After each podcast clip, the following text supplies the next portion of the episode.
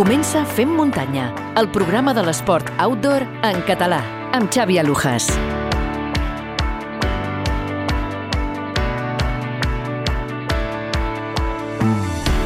Hola, benvingudes i benvinguts tots i totes al Fem Muntanya, el programa de podcast dedicat íntegrament a la muntanya i als esports outdoor. Ja hi som un dijous més i us presentem el programa 54. A tots i a totes, moltíssimes gràcies per haver donat el play tant si és la primera vegada que ho feu com si porteu temps fent-ho. Abans de presentar el menú d'avui, deixeu-me donar les gràcies a la Rosa Manyosa i a tota la família de la Neo Rural per l'acolliment que ens han donat a totes les corredores i a tots els corredors aquest passat diumenge 12 de desembre, que vam ser uns quants fem muntanyeros que vam, ens vam donar cita a una cursa que ja en vam parlar en el podcast i que tothom eh, doncs, m'havia dit que era dura i per això la mal anomenen la neo brutal. Vaig poder comprovar el perquè d'aquest sobrenom. Veia difícil, eh, fer 24 quilòmetres i 1.800 metres de desnivell positiu per la Serra de Marina, on el cim més alt no arriba ni als 500 metres, al turó de Galzeran, eh? Doncs no només això, sinó que puc assegurar que més del 80% transcorre per corriols i molts d'ells són tècnics i moltes de les baixades són més lentes que les pròpies pujades. Eh? Una carrera organitzada a la perfecció per uns animalots que tenen mala bava a l'hora de triar els corriols i, confe i confeccionar el track però que ho tenen tot controlat i els eh, que estem més bojos són el, som els 300 corredors i corredores que a les 8 i mitja del matí estàvem a la línia de sortida esperant desafiar aquesta autèntica bogeria. A partir d'ara ja tinc una altra cursa marcada fixa al meu calendari. I per cert, li preguntaré a l'Albert Torrent i al Guillem Marchal com els hi va anar, però durant la prova em vaig trobar, per exemple, el Manu, un oient que també està a la comunitat de Telegram i que ens ha enviat la següent nota d'àudio. Hola, fem muntanyeros. Parlaré de la meva crònica de la neuroral, on ja l'ha fet set cops i cada any es, es reinventen una miqueta més i posen corriols nous. Per això mai et deixen indiferent. És molt dura, ja ho saps, no, Xavi? Però és molt guapa. Una salutació duríssima, eh? com diu el Manu, que és un autèntic repetidor. I també ens eh, vam poder doncs, compartir uns quants quilòmetres amb el Pol Puig, que ja sabeu que és col·laborador del Fem Muntanya i testejador de Trail Running Review, que també ens ha enviat la següent nota d'àudio. Bon dia, Xavi. Doncs la Neu Rural, bueno, com cada any, un recorregut diferent, corrioler, sense gairebé trams per córrer i molt, molt divertit i igual de dur per les cames realment jo crec que és de les poques curses que he corregut i mira que m'agrada curses amb força desnivell que et deixen les cames tan trinxades. És un constant puja i baixa, puja i baixa, puja i baixa, per corriols drets, eh, tècnics, amb pedres, arrels, has d'anar jupit. Bueno, suposo que tu que ets més alt que jo ja, ja ho vas poder veure i és una cursa bueno, extremadament re recomanable i a part eh, és la millor manera de tancar la temporada perquè quan s'acaba sempre hi ha una reunió de gent que fa molts anys que corre per muntanya i es veuen moltes cares conegudes i bueno, és que jo em sento com a casa amb la, la neu rural, així que amb les cames bastant cansades i destruïdes avui, però amb ganes de l'edició del pròxim any. Moltes gràcies, a Pol, i moltes gràcies a tots els eh, fem muntanyeros que vau saludar i que vam poder compartir una estona plegats. Són les coses que donen valor i sentit a aquest eh, podcast i no vull deixar doncs, el moment Uh, l'ocasió per felicitar el Lluís Ruiz Oller, també un fem muntanyero que vam parlar amb ell ara ja fa unes quantes setmanes, que va ser el guanyador en, en categoria masculina d'aquesta neo rural. Recomanable, ja ho sabeu. Vinga, va, deixem una estoneta aquesta impressionant cursa i us presento el programa d'avui en el que us porto converses super interessants i que segur que més eh, d'una us sorprendrà. La primera serà amb el Toni Arbonés, que és una de les persones que més vies d'escalada ha obert a casa nostra i a més ha donat a conèixer la zona d'escalada de Siurana.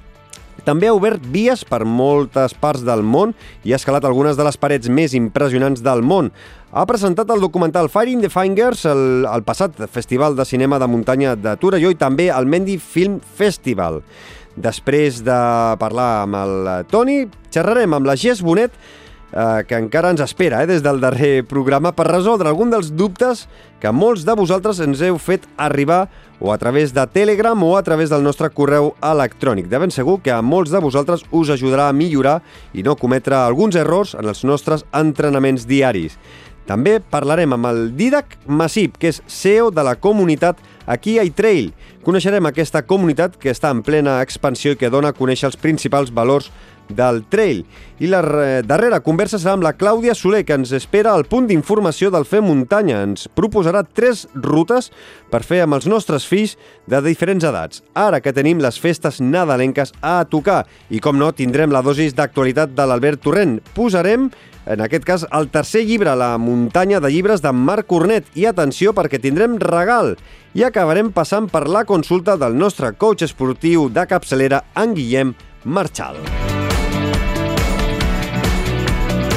En el programa d'avui us deixo una pregunta a l'aire que podeu respondre al post que us he deixat a Instagram amb la imatge de la caràtula del programa d'avui.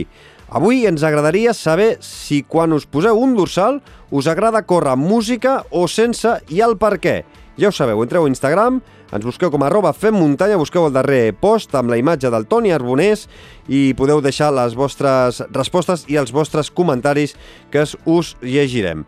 I no puc acabar aquesta introducció sense demanar-vos la vostra col·laboració. Si us agrada el podcast i voleu ajudar en el seu manteniment, us podeu fer subscriptors premium a través de l'enllaç que teniu a les notes d'aquest capítol i d'aquesta manera donareu un valor al podcast que us oferim cada 15 dies. A canvi us oferim sortejos, podreu escoltar abans que ningú totes les converses de forma individual i moltes cosetes més, tot per només 1,99 euro al mes. Busqueu-nos i seguiu-nos a les nostres xarxes socials. A Twitter i a Instagram ens trobareu com arroba femmuntanya. Us esperem a la nostra comunitat Fem Muntanyera a Telegram.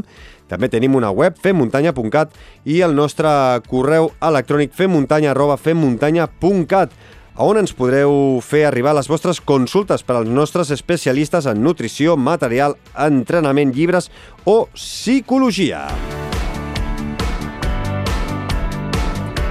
En un moment, la Mònica Usara ens porta la previsió meteorològica, però abans li vull preguntar com li ha anat la seva estrena en una cursa de muntanya. Hola, Mònica, benvinguda al Fer Muntanya. Hola, què tal? Moltes gràcies. A veure, ara fa un parell de setmanes et vas estrenar a la Trail Ardenya.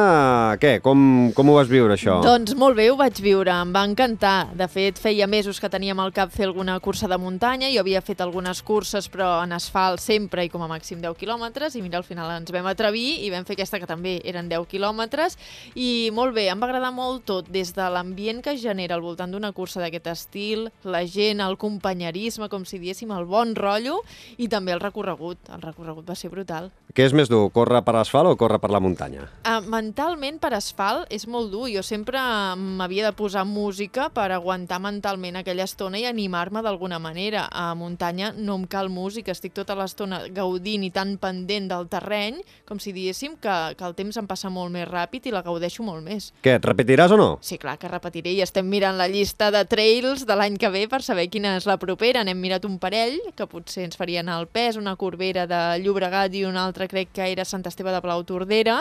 Um, bàsicament ara mirem distàncies que, per ser realistes, distàncies que puguem entre els, 10 el, entre els 10 i els 15, de sí, moment? entre els 10 ai, i els 15. Ai, ai, més ai, cap als 10 que no pas cap als 15. Com més enllà anem, més quilòmetres sumarem, perquè la veritat és que no parem eh, d'entrenar. Intentem sortir un parell o tres de cops a la setmana, cap de setmana fer una tiradeta més llarga, que sempre s'acosta als 10, entre setmana a vegades més curta, però la intenció és anar tirant més enllà. Jo et veig eh, d'aquí 3-4 mesos ja provant sort a la mitja marató, eh?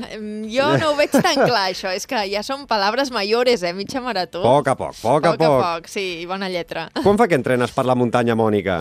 Doncs jo diria que vam començar a córrer per muntanya al gener, potser, més o menys al mes de gener, però al principi eh, sortíem i, i se'ns feia molt dur qualsevol cosa. Mm, les pujades, sobretot, eren insuportables, perquè, clar, jo sempre feia pla. Jo anava pel riu Llobregat a Molins per fer pla i per no poder, per no pujar i baixar, no? I aleshores les pujades eren molt dures. Les baixades les passàvem molt millor i llavors amb el temps, sobretot, hem vist molta millora en aquest aspecte. Sobretot si portes uns quants quilòmetres, després les pujades ja es fan més, més suportables. Doncs ara ja tens feina d'escoltar de, escoltar uns quants podcasts del, del Fem Muntanya que hem parlat eh, de nutrició, d'hidratació, d'entrenament, eh, tant amb l'Anna Grífols com amb la Gés Bonet, de Clar material sí. amb el Pol Puig...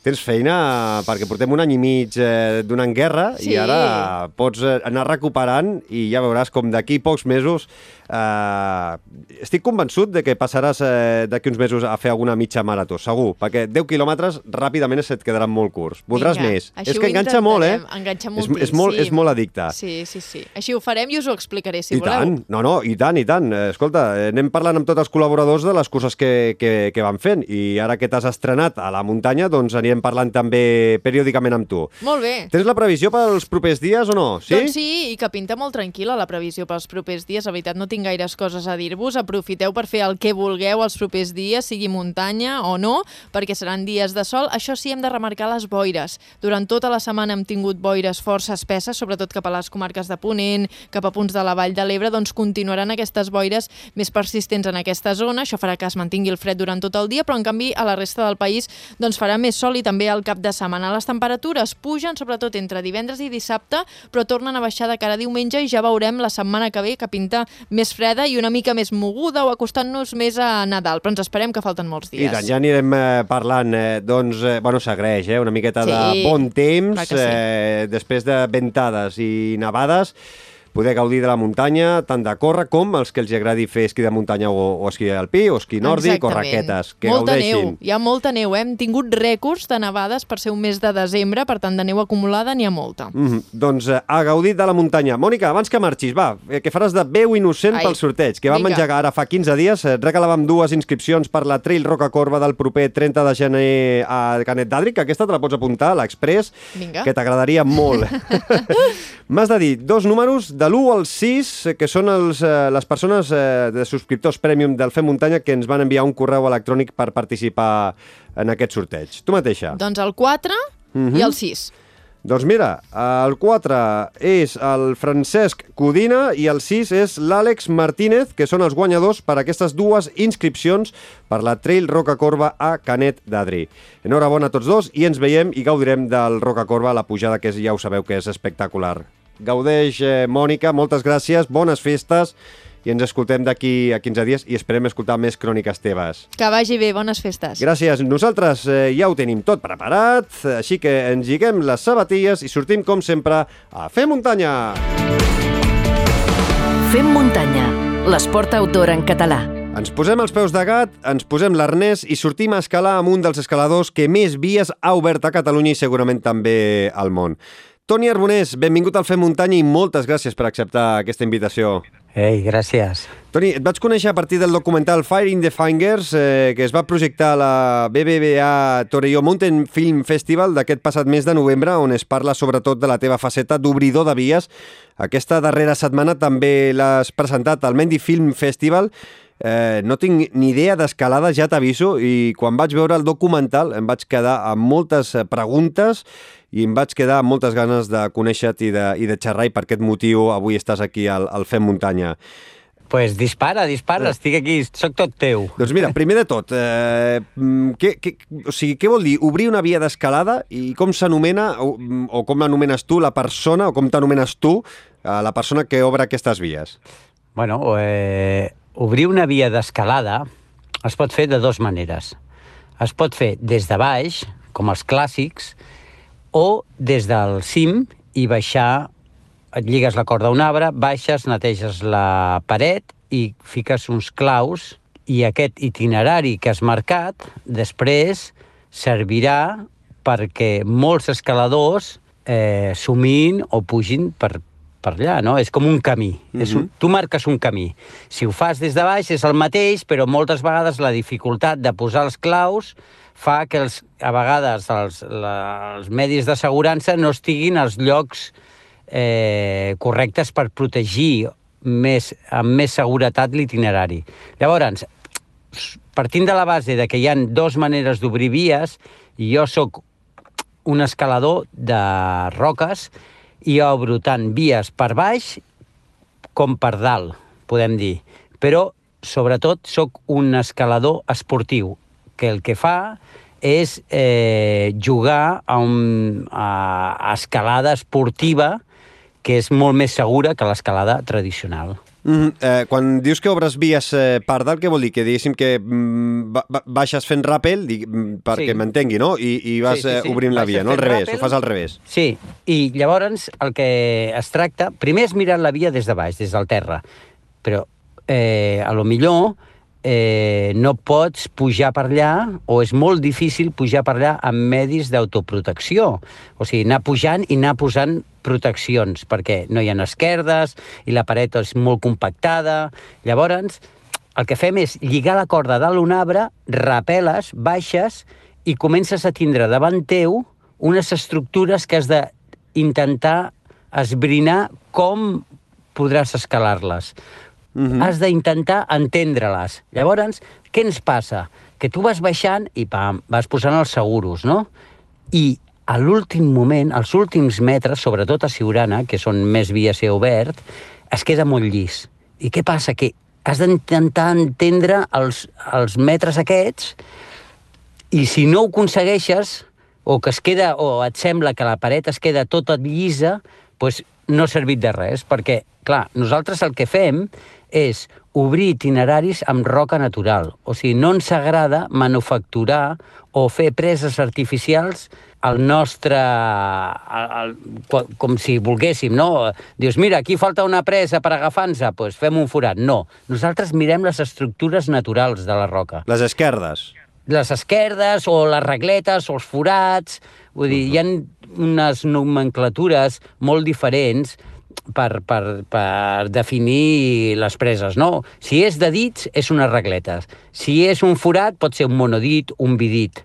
Si és, per exemple, una presa lateral o invertida, o a lo millor la via, si està tombada, és un slab, no? com una rampa. Si és un sostre o una fissura. O sigui, cada...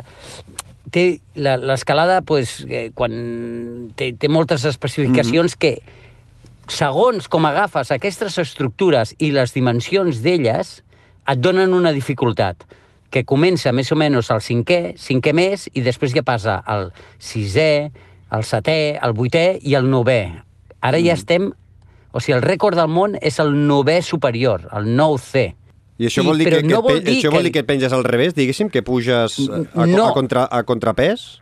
Bueno, eh, la via aquesta que de 9C sí que és realment un sostre, però la inclinació de la pedra no dona la dificultat, perquè pot ser molt desplomada, o sigui, molt negativa, però si les preses de mans són molt bones, no és tan difícil com una vertical o tombada que no hi ha preses. A veure si m'entens. Sí, sí, que, que, Que- que, que et costa més eh, posar el dit o, o posar els peus, no? Eh, Clar, clar, pot ser. A lo millor té bones preses de mans, és molt desplomada, però tu vas pujant, bum, bum, bum, i puges com una escala.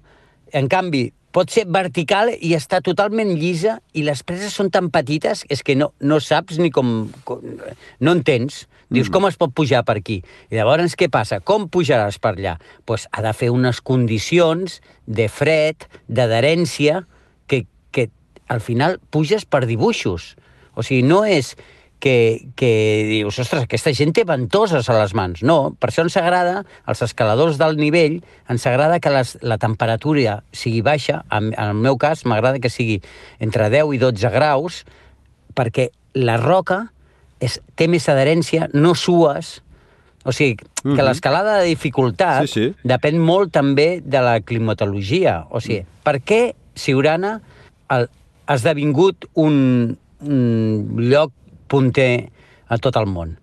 Perquè l'estructura de la roca és superbona. La roca té bona adherència. La temperatura és la dient. I per la proximitat de les parets, o fins i tot, la... o sigui, hi ha molts factors. La- L'estabilitat econòmica fa, fan que, o la feina que hem fet durant més de 30 anys d'obrir vies ha fet que Siurana sigui considerat un dels llocs de, de, de peregrinatge de tot el món. O sigui, crec que contem amb més de 50.000 escaladors que ens visiten cada any. Déu-n'hi-do. O sigui, sí, és que és el motor econòmic del Priorat. Uh -huh. eh, eh, Toni, volia preguntar-te, tu quan obres una via eh, i, i, vas, amb la, vas encordat, eh, sempre ha d'anar acompanyat, has d'anar acompanyat d'un d'un company o hi ha alguna forma de fer-ho eh, que ho puguis fer tu sol. Sí, de fet, a veure, eh, quan obres una via, si obres per dalt, vas sol. Si, obres, si obres per baix, amb estil tradicional, sí que necessites un company que t'asseguri. Mm -hmm. eh, L'escalada, fins ara, sempre ha sigut amb cordada.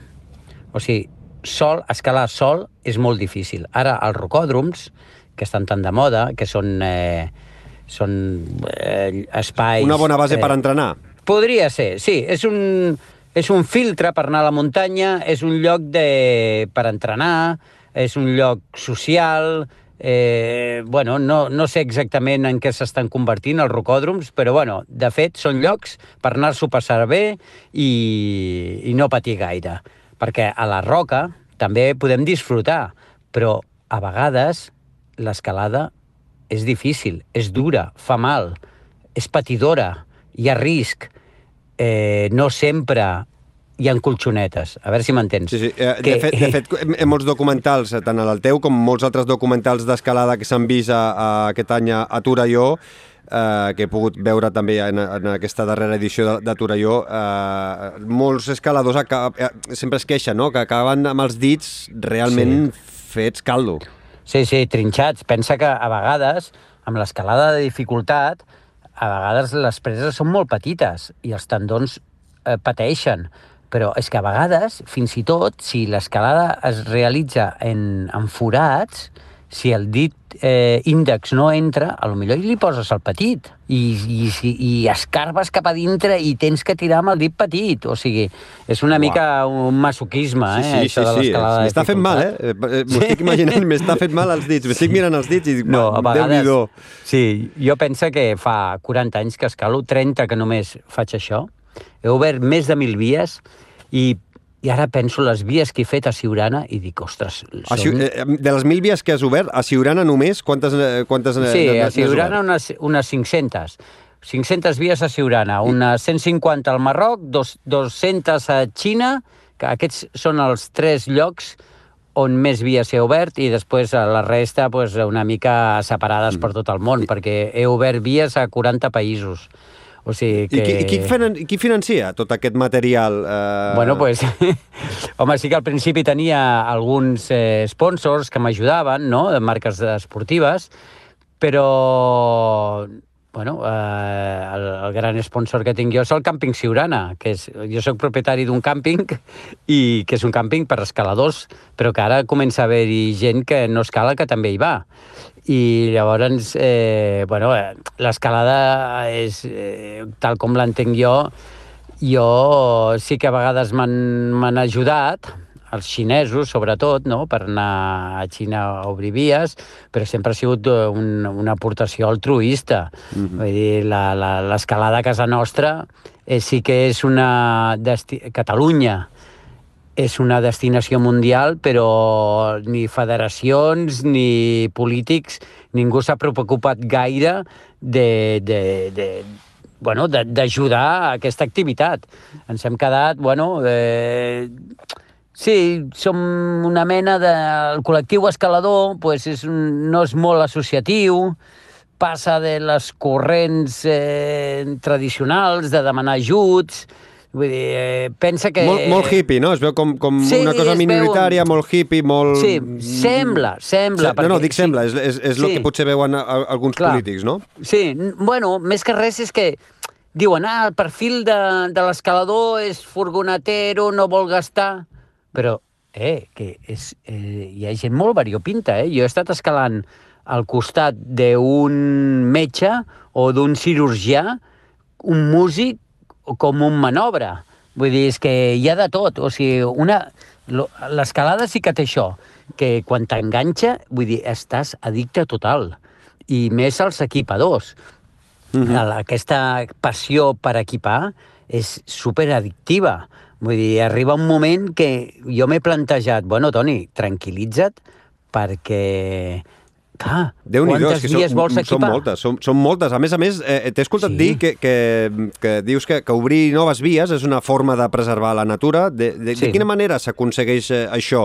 Vol dir que potser que sense vies obertes la gent escalaria per on volgués i d'aquesta manera, manera pots eh, canalitzar la gent perquè escali en una zona en concret i no faci malbé tota la paret, tota la roca? Mira, hi ha... això és un dels meus plantejaments de, de quan sempre vaig a descobrir nous llocs per tot el món.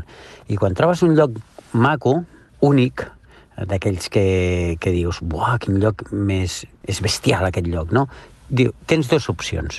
O pots agafar i dir, no li explico a ningú i el preservo durant X anys, però saps que al final ho descobrirà un altre i ho donarà a conèixer, o agafes i ho dones a conèixer, ho promociones i dius que s'ha de preservar. Jo sóc més d'aquest parer, de dir, escolta, aquest lloc és únic, com Siurana, és un lloc únic i s'ha de preservar. Com ho fem? Regulant l'escalada, fent que sigui una activitat sostenible, vigilant que no hi hagin eh, actituds que, que desfagin el, el, el terreny de, de joc, no? les pedres, o que, que no hi hagi... La, la, la... Ara ens estem donant compte de que clar, ja, ja està fora de control. Abans, fa 20 anys, fa 30 anys, el col·lectiu d'escaladors era molt era, eren pocs, i tots ens coneixíem, i jo estava allà al, al refugi, passaven allà a veure'm, o al, altres no, però més o menys era un col·lectiu que, que més o menys era controlable. Ara no. Ara, des de que hi ha rocòdroms i que hi ha tanta gent que escala, eh, dius, ostres, eh, hem de fer alguna cosa perquè no... O sigui, tothom pot anar a la muntanya, crec que sí, no podem prohibir, però, a veure, que ja abans els escaladors, abans d'escalar, anàvem a la muntanya a través dels centres excursionistes. Allà teníem com una base d'estimar la muntanya i de protegir-la. Ara això Ara, això s'ha perdut, i això s'ha perdut, s'ha això, perdut. ja, ja no només a l'escalada, en el senderisme, a la- a la- l'alta Clar. muntanya, veus gent acampant a, a dalt del Taga, vull dir, a dalt dels... Sí, no, a, dels- ara ja és- a- tothom és un té accés, qui tothom, pugui, tothom això. té accés a material a bon preu i, Sí. i tothom pot comprar-se una motxilla, unes sabates, unes xiruques, eh, una Sí. tenda de campanya i pots acampar, o et creus que pots acampar tranquil·lament doncs, on vulguis. On sigui, sí. És un doncs amb les... Sí, amb l'escalada està passant el mateix, clar. Abans érem quatre que podíem tindre un taladro. Ara, un taladro i ficar seguros a les parets, tothom ho pot fer i no els hi pots prohibir, però clar, si no tenen l'educació de dir escolta, que això és una línia i no es pot trepitjar, no es pot parasitar, no es poden fer variants, no es poden fer connexions, perquè ens estem trobant de que al final les vies que són vies, eh, línies clares, ara estan se, se saturen, perquè hi ha vies per tot arreu. Mhm. I, clar, arriba un moment que dius, tu, on, on està el meu, la, la via que jo vull fer? Si, si ha desesperescut, perquè és un mar de seguros, clar. Jo també penso, ostres, quan jo obria vies i no n'hi havia, ni n'hi havia poques, veies les parets i, i veies les línies ben definides. Ara què passa? Que, que com que hi ha tals saturació, clar, arriba un moment que, que dius, ostres, tu, estem degradant. Nosaltres mateixos ens estem tirant pedres al damunt. Toni, i, per, i, i per obrir una via has de demanar permís a algú o, o no? Home, segons, segons, si és dintre d'un parc, has de demanar, has de fer una... Has de, has de demanar i fer una instància, si és dintre un parc natural, però a molts llocs no. A, a I tothom, llocs i tothom, té pot accés, obrir. tothom pot obrir una via, clar. Tothom pot obrir una via i aquest és el, un dels problemes que hi han, entre altres. Vull dir, l'altre problema és el de les furgonetes, de que, clar, tothom arriba i fan, dormen on volen. Clar, quan eren cinc furgonetes no hi havia problema, però quan si n'hi ha 50 permanentment, dius, ostres tu, què, què està passant aquí? Vull dir, com és que, que deixem que vingui tanta gent i que tothom faci el que vol? No, doncs hem d'intentar, sense prohibir-ho, però donant solucions. Però Mhm, bueno, això sí, són sí. coses ja que no, nosaltres és, és, molt, és molt complicat, eh, Mhm. de que, que puguem trobar solucions, sinó... Bueno, ara... Ve, ve, jo veig, que la, veig que l'aglomeració, de, de, en aquest cas d'escaladors, eh, també ha arribat, no? No només Sí. arribar al, al món de la, de la muntanya en general, eh, Sí. del senderisme, de les curses per muntanya, de Sí. l'esquí de muntanya, és a dir, ja no només Sí. l'aglomeració és en aquest sector, sinó també ha arribat ja a a l'escalada. l'escalada. Totalment, Eh, totalment. Clar, és un... És delicat, Sí, sí. És, són, són punts delicats, perquè clar, tothom... Ara sembla com que tothom té ganes de sortir a la natura, i, i benvinguts, però clar... És una autèntica eh, bogeria. Les caravanes i Sí. les retencions que es formen cada cap de setmana per pujar al Pirineu, abans només passava uns pocs caps de setmana a l'any i Clar. ara és cada cap de setmana hi ha caravanes per pujar a la Cerdanya, Sí. per pujar uh, al Ripollès i cada cap de Sí. setmana. Ja no és que només sí. uns dies pues, pues al, al Priorat també està passant. Vull dir, els, els dos llocs grans del, del, del Priorat, que són Siurana i Margalef, estan saturats. Mhm. O sigui, que dius, nosaltres que vivim del turisme, dius, bueno, pues sí, però clar, no vol dir més gent que vingui més que, que podem guanyar o donar un bon servei. No, perquè arriba un moment, clar, que són negocis petits i...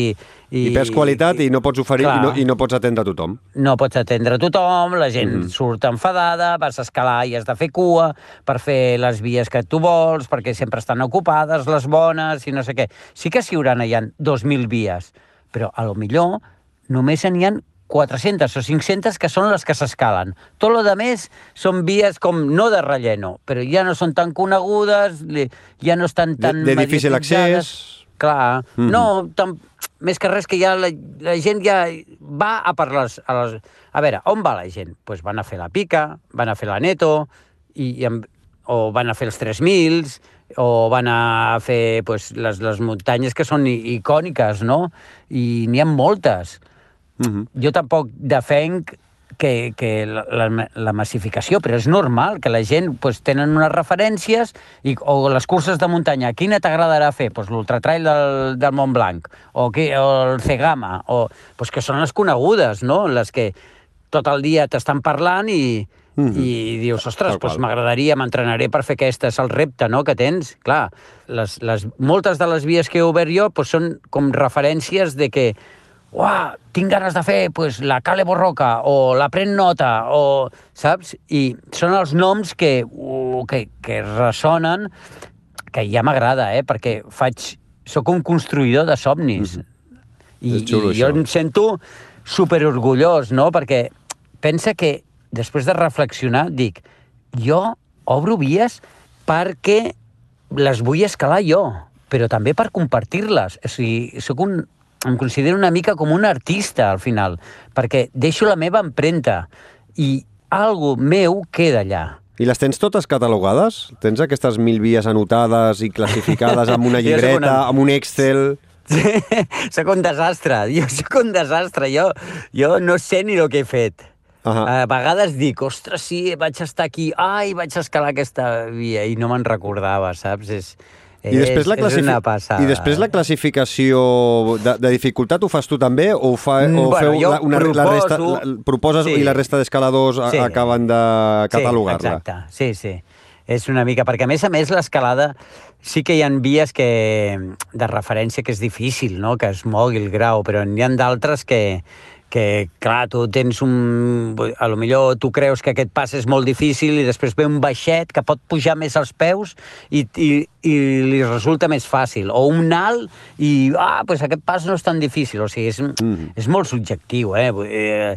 El que passa que, que bueno, són matisos. Sí que hi ha, hi ha una època de la vida que estàs totalment obsessionat pel grau i les dificultats de les vies. Però després, amb el transcurs del temps, ja com que vas a disfrutar més. Sí que t'agrada, no?, apretar-te les tuerques i intentar fer grau i apretar-te i, i entrenar i...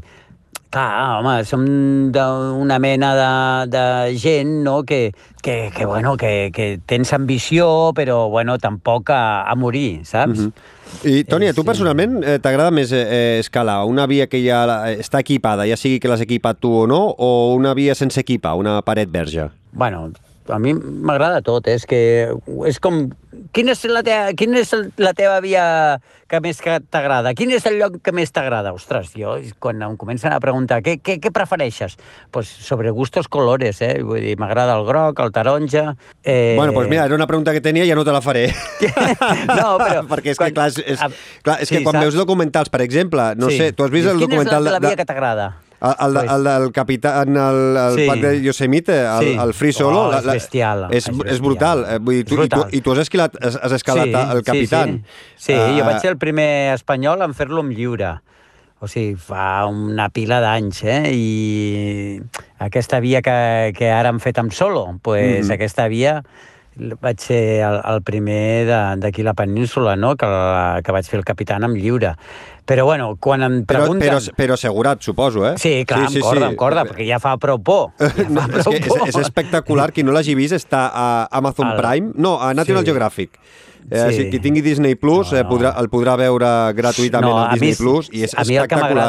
Sí, a mi el que m'agrada és l'altre, eh? per això. Aquest eh, el trobo una mica així de com reality, no? Però l'altre, el Downwall, bo, que aquest està a Netflix, aquest reportatge, ostres, i si ets apassionat de l'escalada i pots llegir el llibre, Buah, és bestial. O sigui, jo em llegia el llibre em queien les llàgrimes.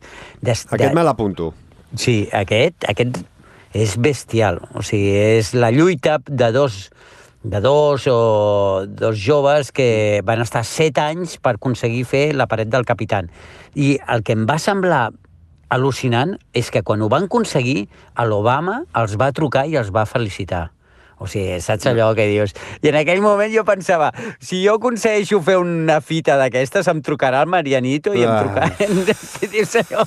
O qui em trucarà a mi? Qui, qui, ara, qui és el, ara, el, el meu representant? Ara, ara trucarà per Aragonès, segur. Això sí. no, no, no ho dubti. no ho dubti, segur. No, segur. Està perquè ets sí. menesters. O el Pedro Sánchez, segur. Segur que et trucarà sí, algú, segur. Vull dir, és que i al final, hòstia, som tios que, que hem vertebrat el territori. Hòstia, jo, jo, perdona, quan vaig arribar al Priorat, al Priorat, o sigui... A, quants a anys fa d'això? Perdona, Toni, quants anys fa 31 ja? anys. 31 anys. Fa 31 anys hi havia quatre veïns que eren jaios. Hi havia una... O sigui, era un èxode demogràfic increïble. Vull dir, tots, no hi havia joves, quasi bé. No hi havia carretera. Eh, L'aigua només a, a, a l'hivern, a l'estiu no n'hi havia. O sigui, era totalment Arribaves a Cornudella i com va escriure l'Espinàs fa molts anys, buscaves algun lloc que et volguessin donar a menjar i et miraven així raro. I ara és totalment... és turisme. Viu, tothom viu del turisme. Sí que n'hi ha gent que, que fa, fa vi, i, però bueno, que, Home, és que molt bo, eh? El, moltíssim. El, el, vi del Priorat és boníssim, eh? Sí, clar, hi ha molta gent, hi ha molt, molts cellers, i es fa vi de qualitat. El que passa que ens hem de donar compte de que, bueno, que... que a part de vi, teniu, ten, podeu, podeu venir a fer esport, o sigui, la Clar, gent pot venir a fer esport. No, no. I, I tenim una natura increïble. I bastant desconeguda, sí. de vegades. Sí, uh, sí, sí. Toni, qui, hi ha alguna paret que, que t'agradaria equipar? Allò que dius, mira, si pogués... Uh, sí, encara me'n queden algunes, eh? Tens somnis, sí, eh? De... Tinc, sí, sí, tinc, tinc alguna paret, ostres, que em ronda pel cap i estic Quina allà és? com que... No, m'agradaria fer una paret allà a Groenlàndia, que, ostres, ja fa molts anys que tenia ganes d'anar-hi, potser alguna a Patagònia, sí, perquè les vegades que he estat a Patagònia t'he enganxat molt mal temps i, i són com somnis, no?, que, que et queden a la recàmera i dius, ostres, algun dia, pues, m'agradaria m'agradaria fer-les, no? És, bueno, jo sóc de, de una mena de, de personatge de, que, que segueix els seus somnis no? fins al final. O sigui, mm -hmm. que tard o d'hora hi aniré i les, jo crec que les escalaré. A part eh, de, de Firing the Fingers, eh, apareixes en uns quants documentals en diferents parts del món, Madagascar, l'Amazònia, el Capitán sí. que dèiem ara al, al sí. Parc Nacional de Yosemite, entre d'altres. Sí. Et quedaries amb alguna zona en especial o tots tenen bueno, alguna cosa que, especial per tu? Home... Perquè, és perquè és, clar, és... És que aquests que hem dit eh, són, aquests són els llocs, són els una llocs mica que... la meca no? de, dels escaladors. Bueno, aquests són els llocs que... Sí, el salt de l'àngel. Bueno, me'n recordo quan les dos viatges que he fet a, a l'Amazònia sempre he tornat amb uns ulls com dient buah, hi ha un abans i un després de cada viatge, no? Perquè és que quan estàs penjat tants dies, pensa que al Salt de l'Àngel vaig estar 16 dies penjat a la paret. Uf. I, clar, I... I- fas vida 16 dies penjat com, Clar, com un penjat. ratpenat, diguéssim, eh? Sí, sí, Eh, allà i venga, i anar pujant i fins que s'acabi la paret. I després, quan arribes a dalt, clar, hi ha gent que et diu, oh, que, que, que, per què fas aquestes coses? I dius, és que és tan difícil, és tan difícil explicar per què, per què estàs enganxat a aquestes coses, perquè, a lo millor perquè veus coses que són tan difícils d'explicar, o sigui, tens sensacions que dius, és que va haver-hi un moment que estava escalant i hi havia cinc arcs de Sant Martí que m'envoltaven. I dius, com pot ser això? Preciós. Pues amb la... Preciós.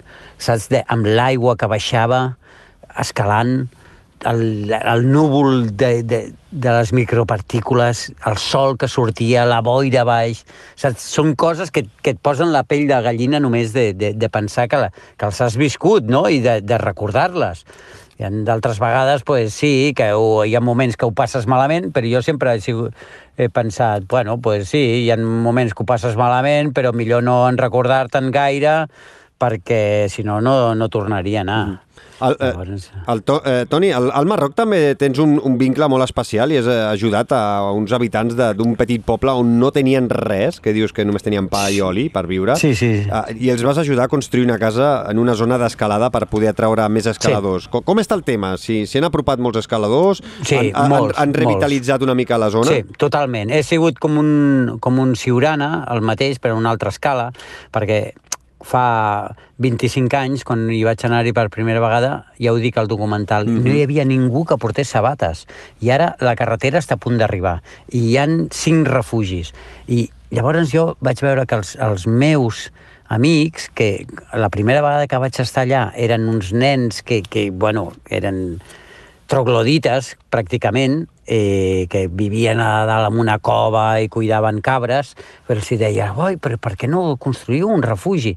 I al, al cap dels anys pues, els, els vaig ajudar, no els hi pots donar diners, sinó que els has d'ajudar amb eines i amb material, i els vaig ajudar a fer construir la casa, i ara, bueno, ara pues, jo penso que, que estan millor, no?, perquè s'estan desenvolupant amb els seus propis medis i sí que realment l'escalada està ajudant molt en aquestes eh, regions tan deprimides. Mm -hmm. I què en penses, Toni, que, que enguany, aquest any a Tòquio, l'escalada hagi sigut olímpica? Té alguna cosa a veure l'escalada que has vist en aquests Jocs Olímpics amb l'escalada que practiques tu? Bueno. O, no? o, o, és una, o són esports absolutament diferents? Bueno, tenen punts de connexió, sí que són activitats un- bastant diferents, però tot ajuda, eh? A mi m'agrada, eh? Jo ho vaig veure i vaig disfrutar, eh? O sigui, i després ja quan l'Alberto va guanyar, Sí, allò tant. Que dius, mare meva, és que ja només ens faltava això, tu. Dius, vaya sorpresa. Bueno, tenim una tradició, eh? O sigui, aquí és un país d'escaladors, eh? És un, eh?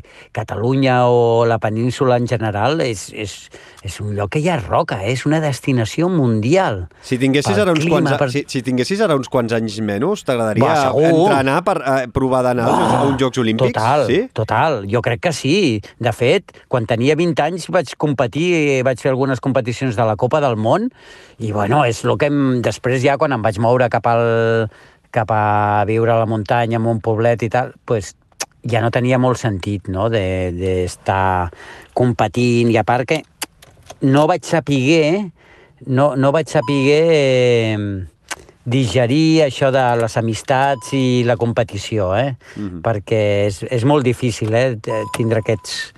Que, de dir, bueno, vull guanyar, però vull que perdi el meu amic, saps? Tot això és, va ser molt difícil. Mhm. I, Ah. bueno, però sí, segurament, si ara estigués així en la cresta de la ola, amb 20 anys, acabats de complir, eh, estaria entrenant com un logo per anar a les Olimpiades.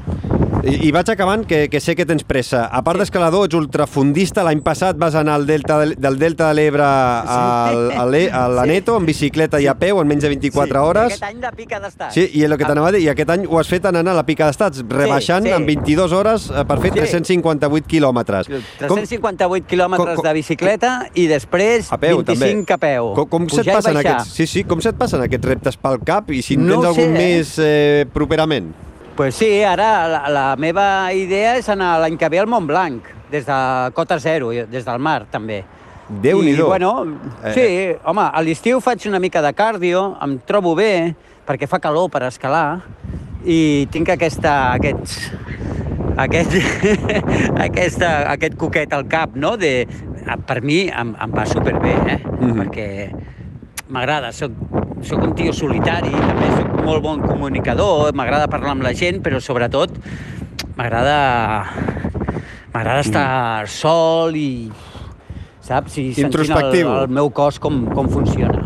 Eh, i, I com veus, i acabo, com veus el futur de l'escalada, Toni? Va, superbé. Mira, jo crec, sincerament, que l'escalada i l'escalada a les ciutats serà l'esport del futur a les ciutats, perquè és super sociable, compensa molt bé el cos, treballes tant el cos com el cap, és, és, va, és, és una passada. Quan, quan t'agafa l'escalada, és que no et deixa, eh? t'atrapa. I ja et dic que, que jo crec que és un, és un esport que tant poden fer famílies, els nens amb els pares, com la gent gran, vull dir, és, és bestial. Doncs- És una de les activitats que, que realment val la pena de provar. Doncs eh, intentarem algun dia posar-nos uns peus de gat i un arnès i tirar muntanya amunt d'una altra forma totalment diferent al que estem habituats a, a fer molts dels oients de, del Fer Muntanya.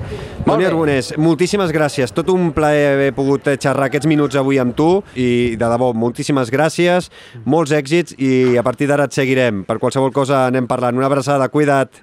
Vale, gràcies. Vinga, vosaltres. Fem muntanya, l'esport outdoor en català. Després d'aquesta conversa amb el Toni Arbonés, és moment d'actualitzar-nos i ho fem passant per la nostra web de referència ultrascatalunya.com i allà ens espera l'Albert Torrent. Hola, Albert. Hola, Xavi, què tal? Com van les cames després de la neo rural d'aquest passat cap de setmana? Doncs encara toves, encara toves. Eh, els companys de la Neo Rural ens ho van posar un pèl difícil, però bueno, eh, eh, encara ens mantenim. I tu què tal? Com bé, va anar? bé, molt content, molt content. Ja, ja ho he explicat, eh, no em tornaré a repetir per no tornar-me pesat, però la veritat és que la vaig gaudir, la vaig patir i passa a ser una cursa fixa en el meu calendari anual. Així que l'any vinent, el 2022, eh, hi tornarem per patir i per gaudir de la Hi neu brutal, i eh? Comencem parlant Brutal, brutal, per la neu rural. Eh, mm, resultats, eh, classificacions, podis... Com, com va quedar la cosa, Albert? Doncs Lluís Ruiz i Carla Benedicto doncs, es van imposar en aquesta duríssima prova de 25 quilòmetres i un desnivell positiu de 1.600 metres, farcit de corriols, pujades terribles i baixades d'infart, com bé doncs, vam poder comprovar, i que Pol Codina i Gaspar Bartra en homes i Marta Moixí i Eli Pasqual en dones doncs, van, completar, van completar eh, els podis d'aquesta neorural. Una neorural que es va tornar a celebrar a Santa Maria de Martorelles i on va tornar a ser un èxit participatiu amb més de 300 corredors. Mm -hmm. eh, vinga, a veure, més eh, cosetes que trobem a ultrascatalunya.com i és que la FEC anuncia la seu dels campionats de snow running i raquetes. Sí, aquest any, eh, doncs, eh, després de l'aturada de la pandèmia, doncs, tornem amb aquestes dues disciplines hivernals. La hivernal Beret Montgarri doncs, acollirà per primera vegada aquest segon campionat de Catalunya de snow running, una prova que comptarà amb tres distàncies de 17, 12 i 6 quilòmetres i que recordem doncs, l'edició passada ja va ser prova puntuable per la Copa d'Espanya de l'especialitat. La cita doncs, serà el 16 de gener i la 22a Pocatrassa, organitzada pel Centre Excursionista d'Olot, doncs, tornarà a celebrar-se en l'entorn de l'estació d'esquí de, de la Vall de Núria, des, després d'aquesta aturada, i aquesta prova, doncs, arrelada en la disciplina d'esquí de muntanya, doncs, tornarà a oferir una cursa de raquetes de neu i que més acollirà aquest campionat de Catalunya de l'especialitat de raquetes i doncs, la data doncs, el 20 de març. Mm -hmm. Anem coneixent, eh, ara que estem arribant a final d'aquest 2021, mm, el calendari d'algunes de les principals curses de casa nostra pel 2022. Et sembla bé? Eh, la primera que s'ha conegut aquesta darrera setmana són les dates eh, per l'Ultra Pirineu eh, pel 2022. Sí, que se celebrarà el 30, del 30 de setembre al 2 d'octubre i que mantindrà el mateix format que aquesta última edició amb una prova vertical la tarda de divendres, eh, pel dissabte la ultra de 100 quilòmetres i la marató i per diumenge doncs, la mitja marató. Les inscripcions s'obriran el proper mes de gener. Doncs estigueu atents perquè hi haurà dorsals que volaran i ben ràpid. I acabem eh, doncs, aquest calendari eh, de proves mítiques amb l'Oia de Núria, que també ahir mateix es va, va donar a conèixer la, les dates.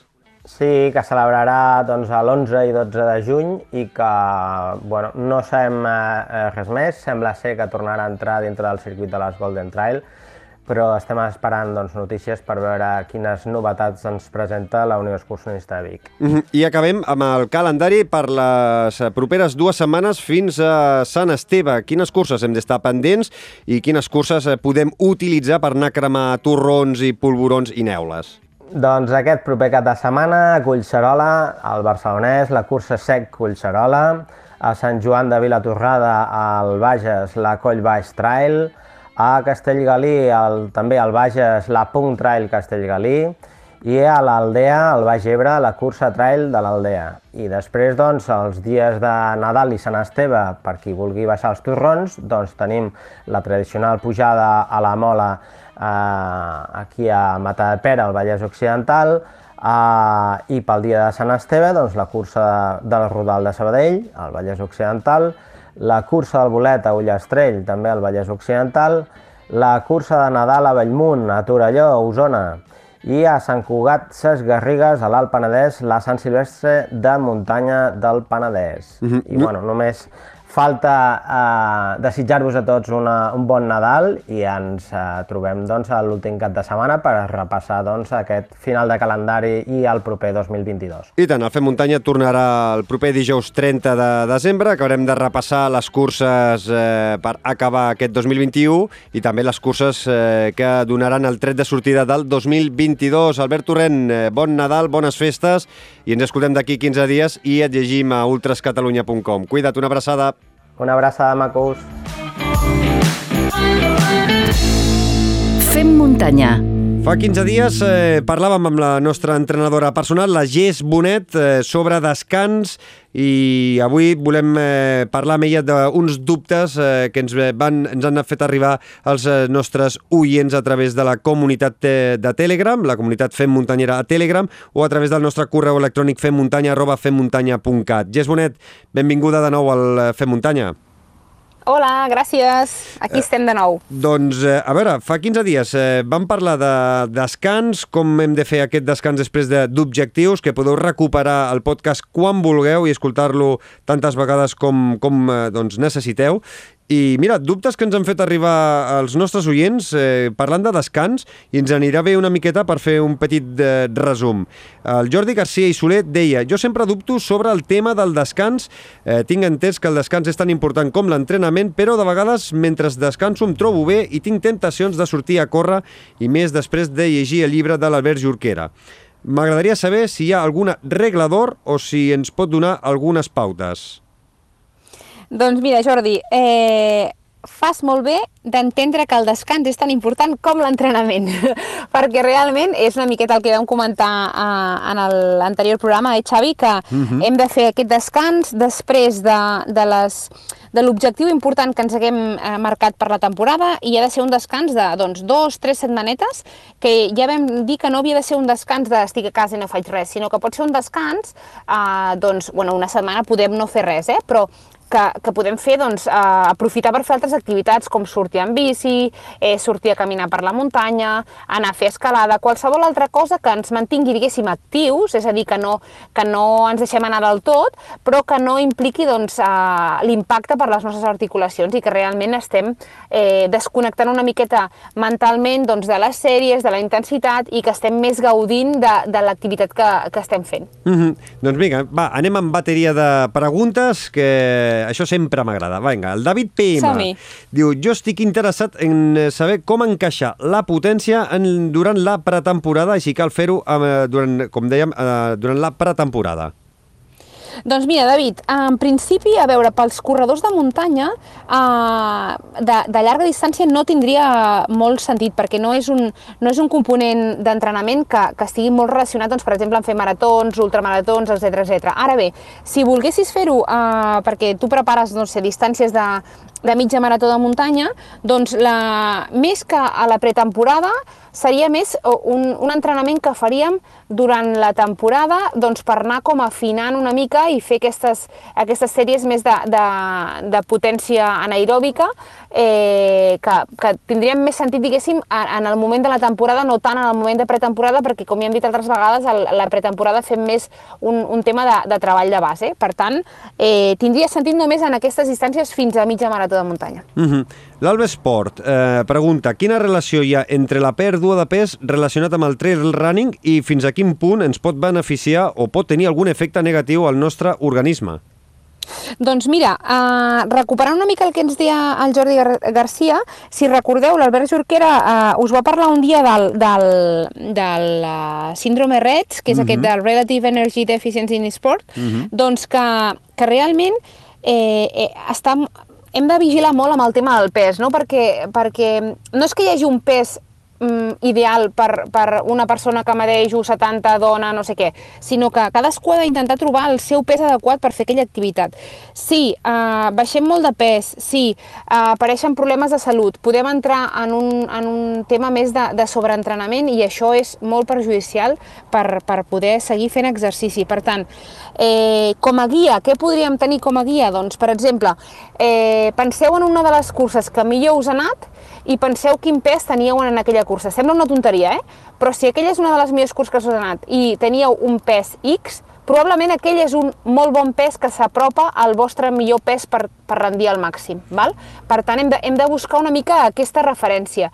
Dir-vos un pes exacte, molt difícil. Val? És a dir, això ha de ser doncs, eh, eh, amb ajuda d'un metge, amb ajuda d'un entrenador, però és difícil concretar un pes concret. Això t'anava a preguntar jo ara. Amb l'ajuda de, per exemple, algun eh, nutricionista, com podria ser l'Anna Grífols, eh, sí. sí que és més fàcil poder ajustar no, el pes? Totalment, totalment. O sigui, hi ha d'haver un, un tema d'un control eh, més de, de nutrició, evidentment, doncs, per part, de, per exemple, de l'Anna Grífols, hi ha d'haver un tema més de, també d'una prova d'esforç, no?, per saber doncs, quin consum d'oxigen estàs eh, tenint, etc etc. I també, doncs, per exemple, eh, relacionat doncs, amb, amb quin pes aixeques, doncs, mira quina potència estàs, estàs fent, eh, i, i llavors lligar tot això per veure doncs, si estem ajustats en el, en el nostre pes, no? Però dir un pes exacte és molt difícil. El que sí que s'ha d'anar molt en compte és en no baixar per sota del nostre pes òptim, perquè llavors uh -huh. és quan a vegades ens notem molt bé, però és quan comencen a aparèixer alguns problemes i, i, i poden ser doncs, de fatiga, poden ser de fractures d'estrès, etc etc. Ara que parlaves d'això del, uh, del RET-S, uh, en el primer podcast que vam gravar la temporada passada amb, amb la gran Emma Roca, sí, va, va sortir sí. aquest tema i va quedar claríssim què és, uh, quins efectes uh, perjudicials té i sobretot ja no només és dolent per, pels homes, sinó que és eh, pitjor encara per, per les dones, eh, perquè té efectes realment negatius. Uh, recomanable que recupereu quan vulgueu el primer podcast el, el de l'any passat amb, amb la gran Emma Roca. Més preguntes. Jaume Julivert ens pregunta com entrenem una ultra de 100 quilòmetres? Cal fer distàncies similars eh, d'entrenament o podem fer entrenaments més curts i qualitatius? I com serien? En alçada, força al gimnàs... Mira, doncs, molt bona pregunta, perquè aquest és un dubte que molta gent té, no? de dir, ostres, si jo he de fer una prova de 100 quilòmetres o de 50, algun dia hauré de fer aquests 50 o aquests 100. Doncs no, no és necessari quan us poso un exemple de que moltes persones, no, eh, doncs la marató, que potser seria la distància així com més recurrent, sigui d'asfalt o sigui de muntanya, és igual, eh? eh doncs la millor fem una tirada de 30 mm, quilòmetres, no? la, la màxima, però després, durant les setmanes es van fent tirades de 20, 22, 24, val? i llavors eh, amb això el que estem fent és anem acumulant una, una base, val? i en aquesta base, com, com bé diu el Jaume, m'has dit, no? el que ens feia sí, la pregunta. el Jaume Julibert. El Jaume Julibert, vale. Eh, doncs com bé diu ell, eh, hem d'anar com incidint en aspectes més qualitatius. És a dir, a la millor faré una distància més curta, però la faré més ràpida, o a la millor faré una distància més curta i treballaré més eh, les pujades perquè sé que en aquella cursa de 100 quilòmetres em trobaré eh, tres blocs on hi ha una pujada molt important, no? I llavors he, he de fer aquest tipus d'entrenament, no? de, de, evidentment no córrer els 100 quilòmetres, acumular eh, possiblement, no, possiblement no, segur, més de 100 quilòmetres a la setmana, però no els faig en un dia, evidentment. I llavors és molt, molt important en aquest tipus de competicions fer un molt bon treball de, de força, perquè al final aquestes competicions el que, el que hem de fer és a arribar a córrer els 100 quilòmetres i tenir doncs, una bona base muscular per acabar aquesta prova, perquè és una prova molt llarga i se'ns pot fer molt feixuga. Per tant, és molt important que hi hagi aquesta base muscular. Si pots fer entrenament a l'alçada, fantàstic, home, és extraordinari perquè eh, a, més tindràs uns beneficis cardiovasculars extras. I si a més a més eh, doncs pots eh, suplementar o, o, o canviar algun d'aquests dies d'entrenaments de, llargs doncs, per fer un entrenament doncs, d'esquí de muntanya, un entrenament de BTT, fantàstic també perquè estem treballant a l'aspecte cardiovascular i muscular, però sense l'impacte. Uh -huh. Per tant, una mica, el, el, en resum seria, sumem més de 100 quilòmetres a la setmana per fer aquest tipus de, de distàncies. Una molt bona base de treball muscular, que ja pot ser al gimnàs i després, evidentment, aplicat doncs, fent pujades, escales, etc etc.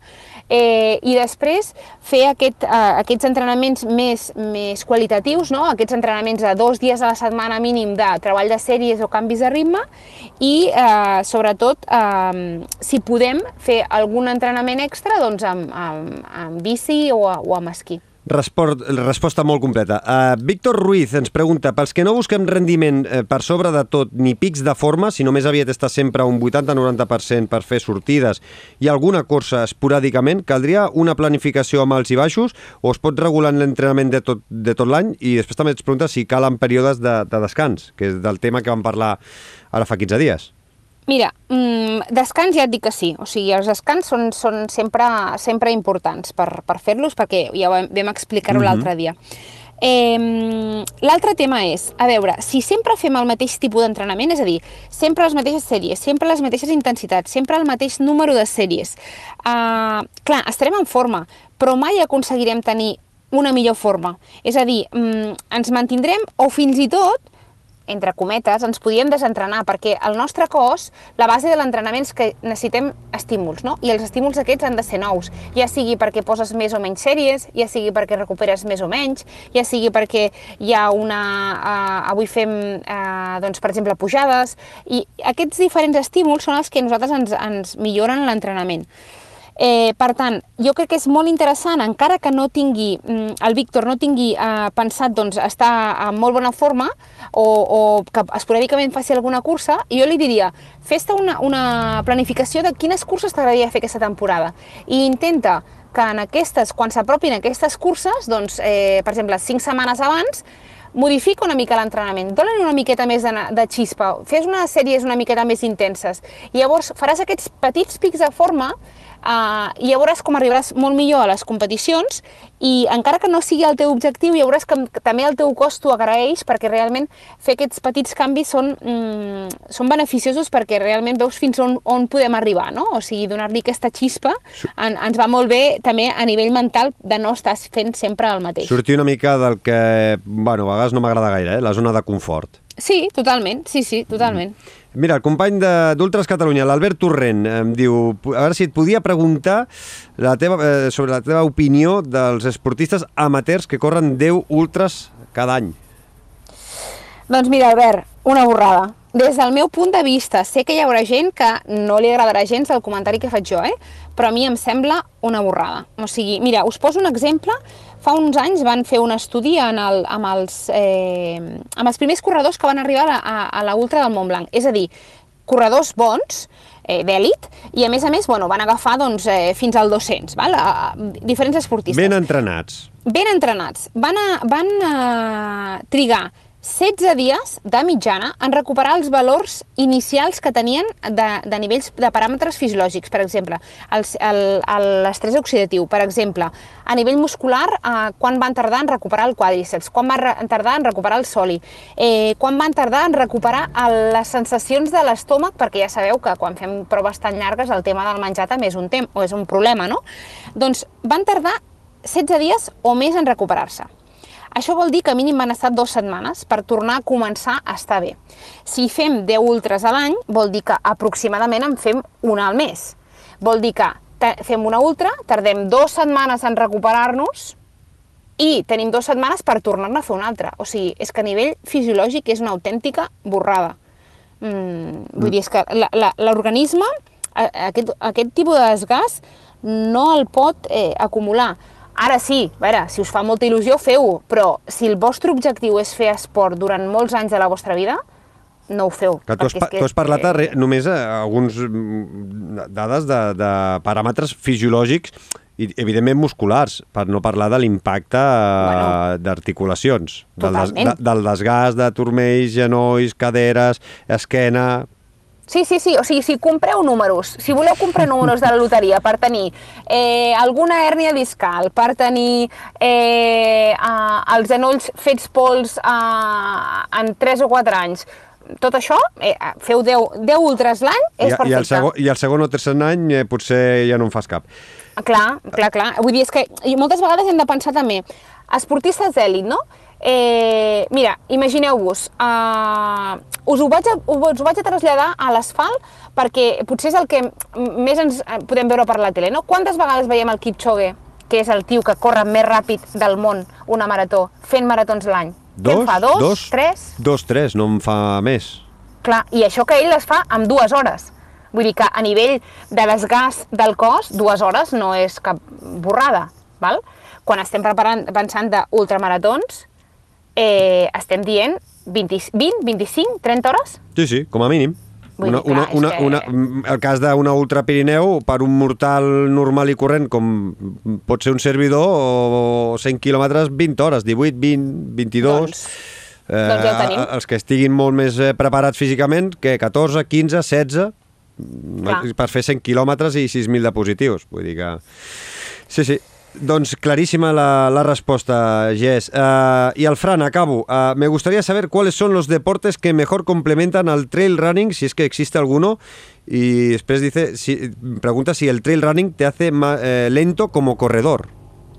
Vale, Fran, doncs mira, eh, això ho hem comentat a, en un altre podcast, però eh, BTT, ciclisme, esquí de muntanya i esquí de fons, per mi, serien el que millor pot complementar-te al trail running.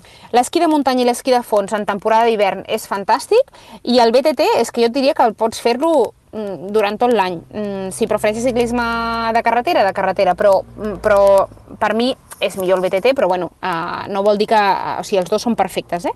Uh, això seria per complementar um, el trail running i per evitar sobretot el tema aquest de l'impacte, és a dir, ens estalviem un dia d'impacte i fem un dia de treball cardiovascular amb un altre d'aquests esports. Uh -huh. I després, el que ens deia de, de si el trail running ens feia més lents, oi? Sí, sí.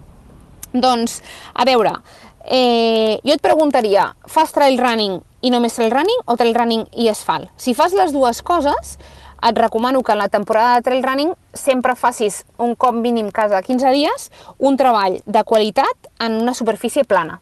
És a dir, un treball de sèries eh, ràpides, eh, però que siguin en pla.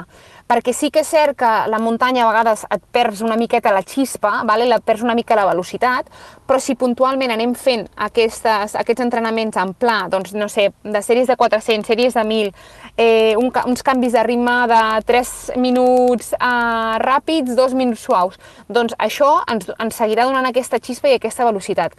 I, i si realment és perquè fas les dues modalitats, doncs eh, a principi de, de, de, quan et passis a, a l'asfalt, diguéssim, sí que aquí serà molt important doncs, fer aquestes sèries més, més intenses per poder agafar aquesta, aquesta xispa. Mhm. Però tindràs, d'altra banda, tindràs una molt bona base eh, aeròbica i muscular perquè hauràs fet el trail running, per tant, també, mm. també això és positiu. Doncs, eh, Gés Bonet, com sempre, un plaer escoltar-te. Eh, jo crec que amb aquesta sèrie de dos podcasts, eh, parlant de, del descans eh, i de com combinar el descans eh, quan acabem una temporada doncs per fer una altra temporada d'un altre esport a l'hivern, que vam parlar fa 15 dies, i aquesta, aquest capítol on li hem dedicat a respondre dubtes dels nostres oients, doncs eh, crec que la majoria de nosaltres hem après bastant, eh? Així que si hi ha oients que ens escolten i volen fer-te arribar preguntes eh, que anirem responent eh, properament, ja ho sabeu, femmuntanya arroba femmuntanya.cat o entreu a la nostra comunitat de Telegram, eh, que ens, eh, teniu l'enllaç als capítols d'aquest eh, programa i allà també ens podeu fer arribar els vostres dubtes. Com sempre, un plaer. Cuida't molt, Jess. Una abraçada. Moltíssimes gràcies i gràcies per deixar-me portar el, el meu petit granet de, de sorra en aquesta supercomunitat eh, de tràiler. Subscriu-te al podcast de Fem Muntanya.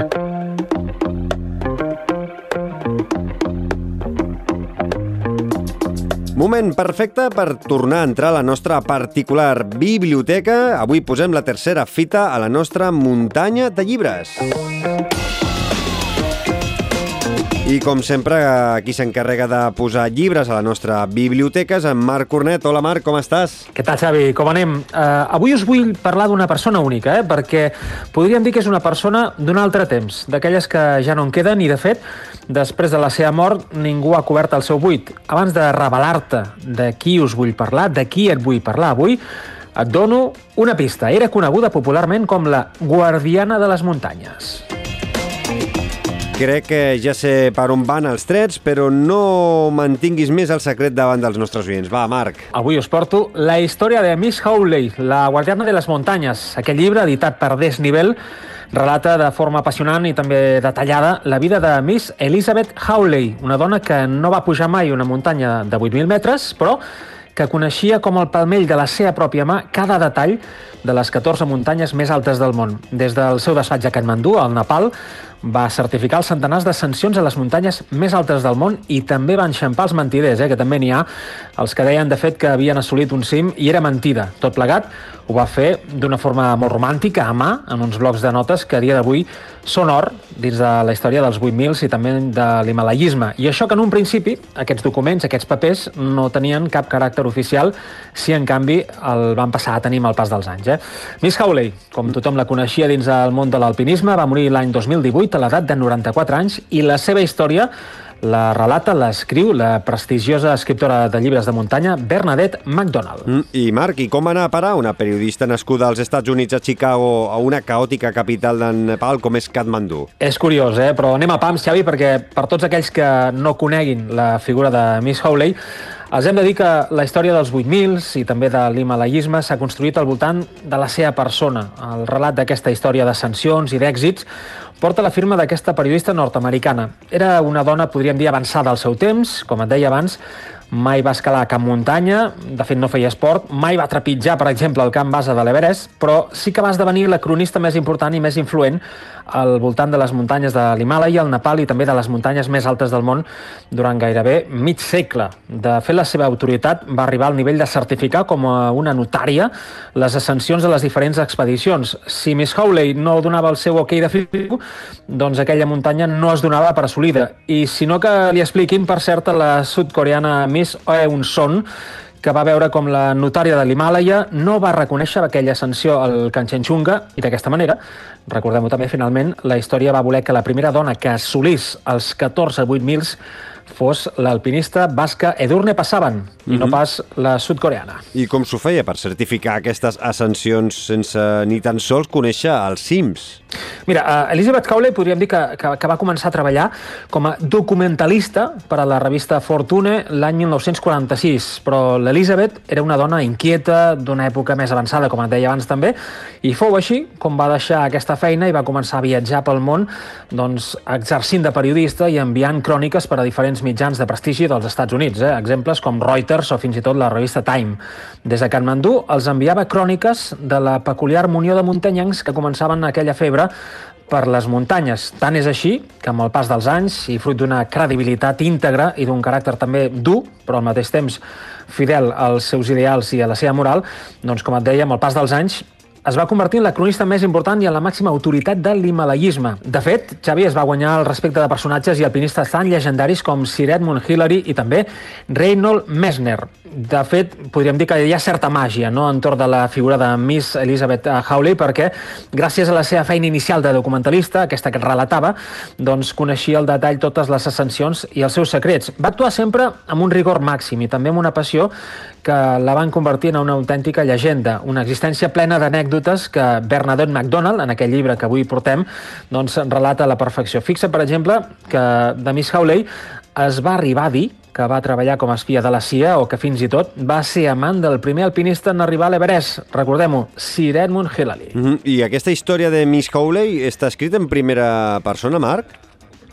Uh, no, perquè Bernadette MacDonald explica des de fora la, la vida de Miss Hawley, no? és a dir, es va entrevistar amb ella doncs, en diverses ocasions abans de la seva mort i fins i tot per glosar i dibuixar encara millor el complex i també en algunes ocasions reclòs personatge d'aquesta documentalista de l'Himàlaia, McDonald també va tancar diverses entrevistes amb alpinistes arreu del món, unes entrevistes que en certa manera eh, recorden les mateixes que la pròpia Howley feia amb els alpinistes abans i després de cada ascensió. És a dir, abans de començar una ascensió, el cap d'expedició s'havia de reunir tranquil·lament amb un te en una taula amb Elizabeth Howley per explicar-li els seus plans, quin objectiu tenien i sobretot també quina ruta volien seguir per fer una ascensió d'una muntanya. No?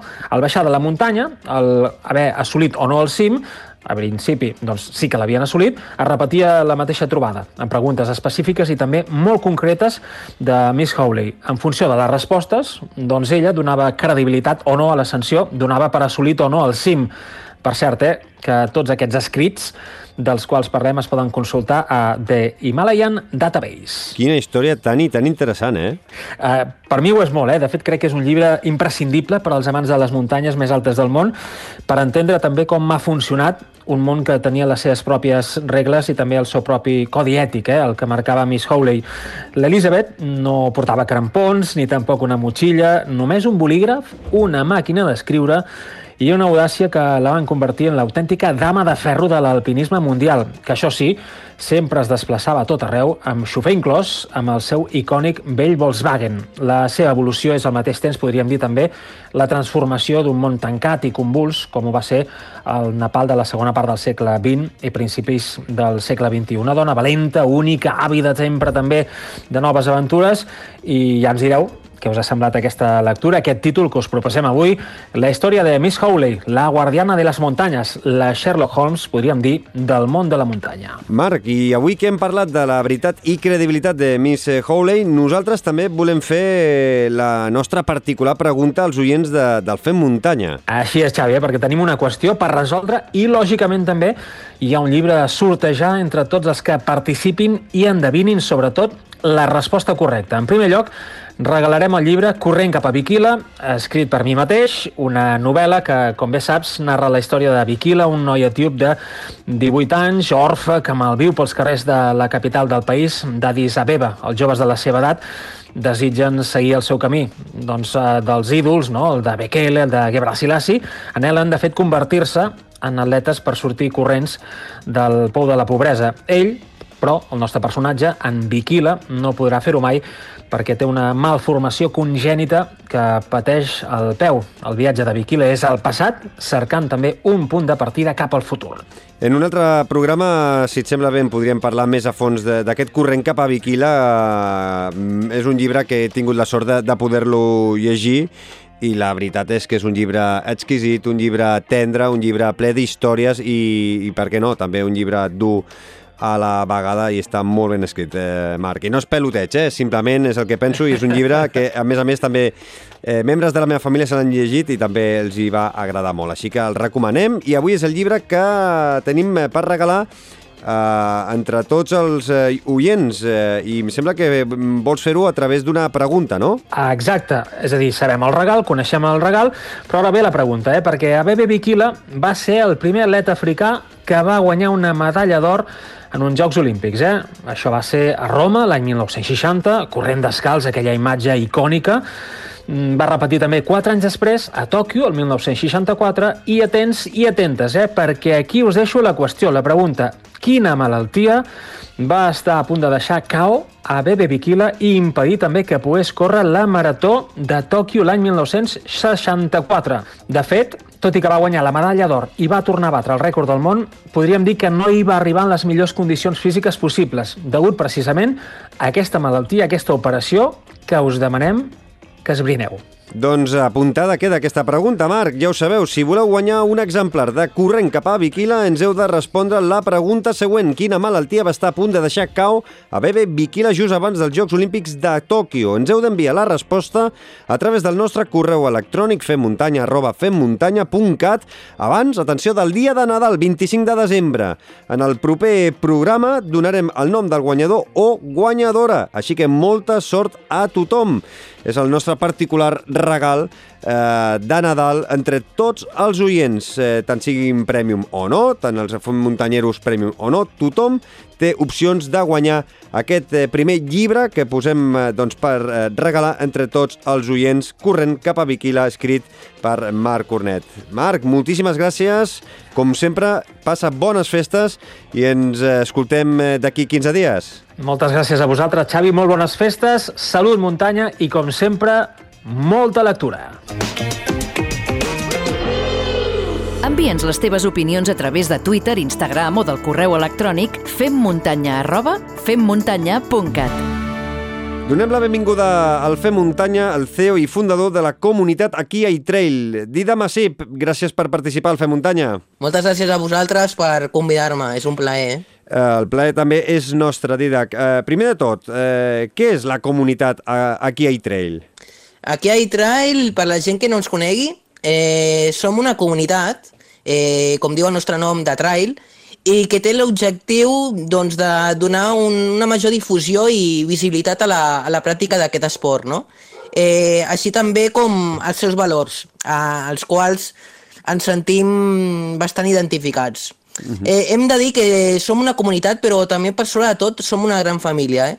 Eh, una família de trail que, bueno, que cada dia eh, va creixent, no? com ho fa també el boom d'aquest esport, eh, arribant ja a formar part de 26 països, que estem molt contents aquest any, eh, de forma, això sí, virtual. Mm -hmm. Qu quan i com neix la, la, la comunitat? És a dir, amb... La comunitat, sí, la comunitat neix aquest any passat, eh, en plena pandèmia, eh, quan veiem que, que moltes, moltes comunitats eh, comencen a créixer, eh, en quant a seguidors en xarxes socials, però també veiem que hi ha un, un buit, no? un buit en el sentit de, de que la gent necessita o vol algo més eh, personal, algo més fora de lo virtual, no? Eh, sentir-se un mateix i intentar desvirtualitzar eh, l'esport i la persona que ho practica. I això en això estem. Uh -huh. I la gent que us vulgui seguir, en quines plataformes us pot seguir, en quines xarxes?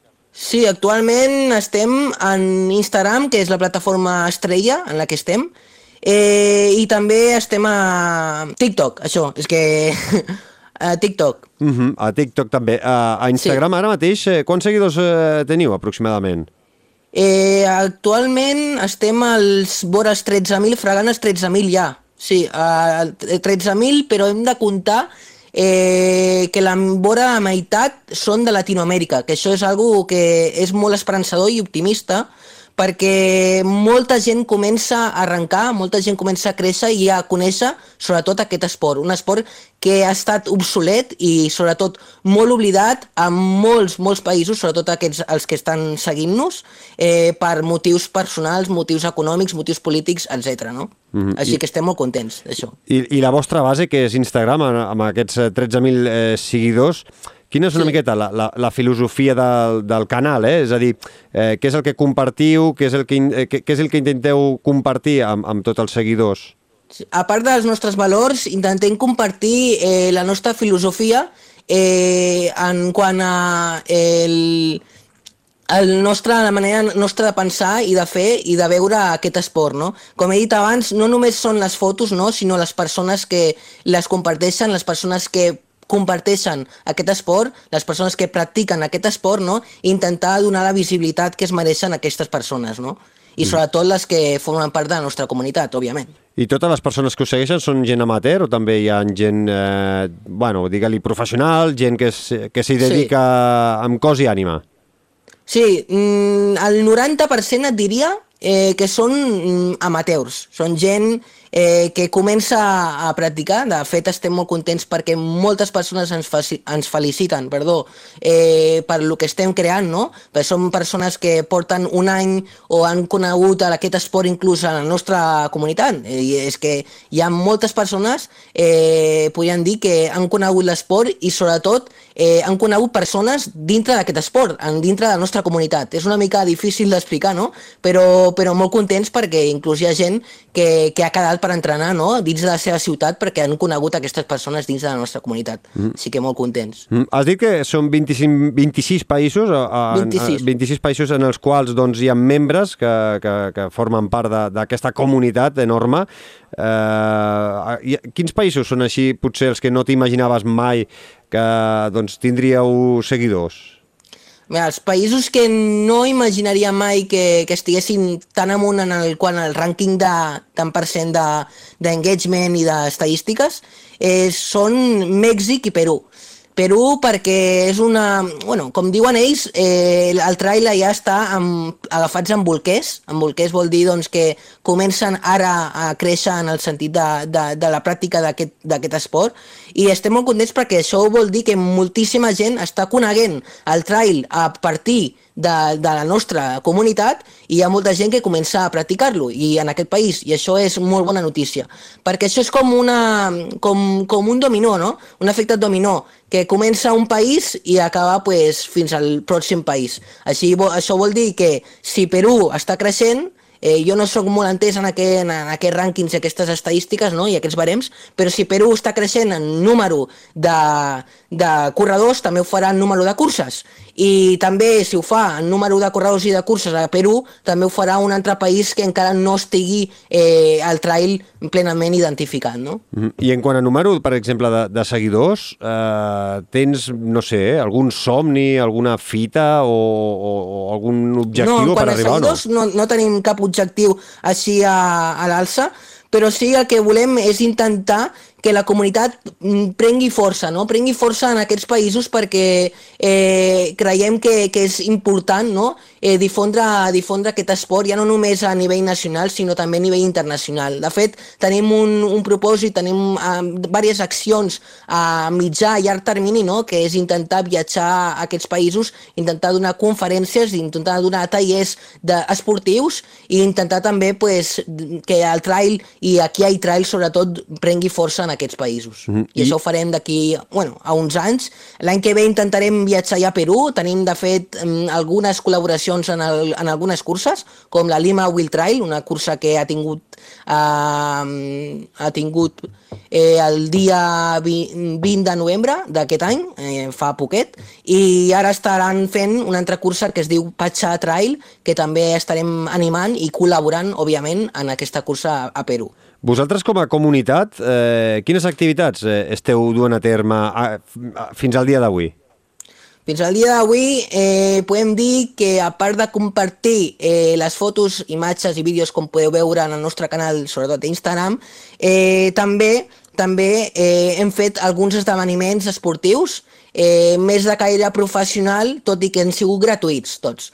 En aquest cas, a nivell nacional, eh, estem parlant. Uh mhm. -huh. hem, hem, hem passat per Bilbao, hem passat per Alacant, per Catalunya, òbviament que som d'aquí, i la veritat és que la gent s'ho ha passat molt bé i això és el que, el que volíem, no? que la gent participés, que la gent s'animés, que la gent conegués els corredors, conegués l'equip de trail i el trail i en la comunitat aquí hi ha trail i després pues, també pues, intentar pues, que la gent eh, bueno, segueixi la nostra, la nostra plataforma no? i el nostre, el nostre espai. I de cara a l'any vinent, eh, en què esteu treballant?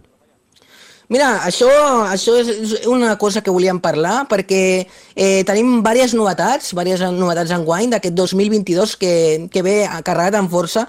De fet, hi ha una cosa del tema, el que estàvem parlant, no? dels esdeveniments, eh, que aquest cop volem intentar fer un esdeveniment en format festival, eh, que, que es diu, eh, és perquè la gent que no sàpiga com es diu, Sunset Beer Festival, que es farà i es celebrarà a Sitges aquest any, al maig de 2022, concretament, i serà un festival en format contrarrellotge, eh, no és competitiu, no és competitiu, però sobretot eh, el que volem és que la gent participi, la gent s'ho passi bé i que, bueno, desvirtualitzar, no?, eh, tota aquesta gent, sobretot de Catalunya, perquè es, bueno, participarà, no?, la gent d'aquí, eh, del, de la comunitat d'aquí a Trail, ens podem veure, ens podem reunir i ens ho podem passar, pues, pues molt bé, no? Mm -hmm. I, i... Després també tenim, eh, perdona, eh, que, no, que m'havia deixat l'HT Community, que l'HT Community és, bueno, és algo que és molt innovador, que és el que volíem, no? innovar. Perquè, eh, bueno, la, primer t'ho explico perquè la gent que no sàpiga,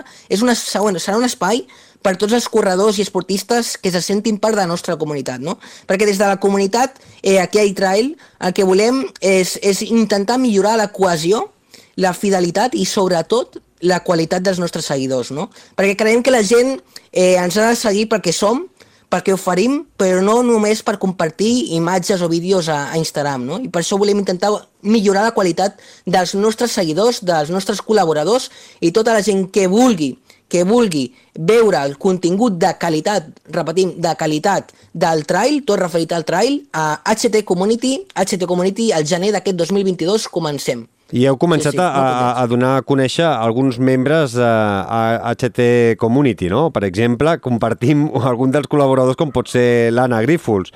Uh, Sí, sí, sí, sí. qui- Quina és la, la, la idea no? D'aquesta HT Community? D'ajudar a, a la resta de, de corredors, que, eh, sobre, en aquest cas amb l'Anna Grífols, sobre nutrició, per exemple. Sí, eh, hem vist que hi ha moltíssima gent no, a, a, a través d'es- d'estadístiques que intenta eh, buscar ja no només eh, el simple fet de córrer, no, sinó com córrer. No? I llavors, eh, una de les coses més importants és el tema de nutrició. No? En aquest cas estem parlant de l'Anna Grífols, no? la nutricionista, una gran persona i millor professional, tant. i que ens, ens ajudarà no, en, aquest, en aquest cas a intentar que la gent que, que col·labori i la gent que estigui dins d'aquesta comunitat, d'aquest espai, pugui millorar el seu rendiment, pugui mm, saber la, els dubtes o resoldre els dubtes que tingui en quant a nutrició, en quant a pes, en quant a menjar, en quant a rendiment, a quant a horaris, a, a, a tot, a tot. I- en aquest cas a nutrició, perquè n'hi ha altres espais, no?, que com un dels espais també molt importants, que és el test de material. Tenim un, un tècnic molt bo, molt, molt, molt, molt, molt, molt bo, que es diu Nacho, que és de, de Jerez de la Frontera, i és un crac en aquest sentit i ens ajudarà a intentar pues, pues, saber quin material hem de portar o no a la muntanya, no? Uh -huh. uh, L'Anna Grífols ja us deixa el nom de HT Sunset Beer Festival o perquè no és gaire amant de, de la cervesa eh, en, en el No, no, no, no, no ens ha dit res al respecte, però ja et dic jo que segur que participa. No sé com, però, però, però segur que participa. Sí, sí. I, i, I us financeu d'alguna manera o de moment eh, doncs això és més difícil? Bueno, de moment la cosa està complicada. La cosa està complicada, hem començat a intentar buscar sponsors, eh, hi ha a banda de col·laboradors i sponsors que intentin pues, financiar-nos no, econòmicament, eh, de moment en format espècie, en format material, uh -huh. eh, sorteig de material, sobretot, i, i bueno, com, com saps tu bé, aquest món eh, és difícil, no? I tant. Eh, però bueno, en això estem. Intentem, de moment ens financiem nosaltres, intentem i invertim, intentem invertir poc, però bueno, eh, invertim nosaltres en, en aquest any que portem, any i mig, i de moment ens està funcionant, de moment ens està funcionant. Tinc dues preguntes més abans d'anar acabant. Uh, si jo sóc corredor i formo part de la comunitat, com eh, puc eh, fer-te arribar uh, fotos o vídeos de les meves sortides o de les eh, curses que hi participi um, perquè ho puguis publicar i després també suposo que eh, t'interessa també la història que hi ha darrere d'aquella foto i d'aquell vídeo perquè la pugueu fer pública, no? La pugueu compartir. Sí, sí, aquí hi ha un mix, perquè al principi, bueno, primer de tot, la gent que vulgui, la, vulgui compartir les, les seves fotos, les seves imatges els seus vídeos, a nosaltres estem oberts a, a tot tipus de, de propostes i ho compartirem eh, cada dia, cada dia ho compartim. Com ho podem fer o com ho podeu fer? És molt fàcil. Només ens heu d'enviar al correu aquí arroba gmail.com eh, o bé etiquetant-nos, mencionant-nos o utilitzant el hashtag, el nostre estimat hashtag, aquí a iTrail, que mm -hmm. és el nostre nom, i compartirem les vostres imatges i els vostres vídeos. Òbviament que no sempre podem compartir totes les imatges i vídeos perquè estem saturats, quan dic saturats és saturats, en aquest moment tenim moltes imatges, però intentem, intentem compartir a tothom a tothom, mm -hmm. sempre, perquè em, em sap molt greu eh, no poder compartir no, a, a totes les persones o, o repetir sempre la mateixa persona i després altres persones que no puguin sortir. Per això ara el que volem fer és a través de HT Community eh, poder entrevistar, ja no només posar fotos, sinó entrevistar no, aquestes persones que estan fent aquestes fotos o aquests vídeos. Per què? Perquè les fotos, els vídeos, parlen, tenen història, és el que dius tu, tenen sentit, no? I si tu només fiques una foto o fiques un vídeo, no, no veus tot el que té darrere d'aquesta foto o aquest vídeo de la persona que està gravant, no? O que li estan gravant. Llavors el que volem fer en HT Community, tindrem cada setmana una entrevista d'un corredor, sigui èlit o no, sigui èlit o no, i que la posarem al nostre, al nostre mm. espai de, de la comunitat. Mm -hmm. Així que molt contents i que tota la gent que vulgui que vulgui ser entrevistat també que ens escrigui aquí a itrail.gmail.com mm -hmm. Perfecte, doncs així queda anotat. Uh, de moment no teniu eh, pàgina web, teniu pensat de, de treballar-ne per fer-ne una també de cara al 2022? O de teníem moment... pensat, sí, sí, teníem pensat fer una, una web, però econòmicament com ens, ens bueno, uh, no teníem finança, no teníem finances, i llavors finançament per poder-la fer Bé, llavors el que estem fent és a través d'una plataforma que no podem dir el nom per privacitat, eh, crearem l'HT Community. Mm, per què ho dic això? Perquè fins que no la creem no volem, no volem, no volem dir-ho, eh, però el que sí que es podrà, o es pot dir ja, és que és una plataforma premium, una plataforma amb subscripció mensual. Uh -huh. Llavors el que volem fer és que tota la gent que vulgui aquest contingut haurà de ser soci de la nostra comunitat. Per mm. això ara volem fer de filtro per intentar millorar en qualitat ja de contingut com també de corredors. Mm -hmm.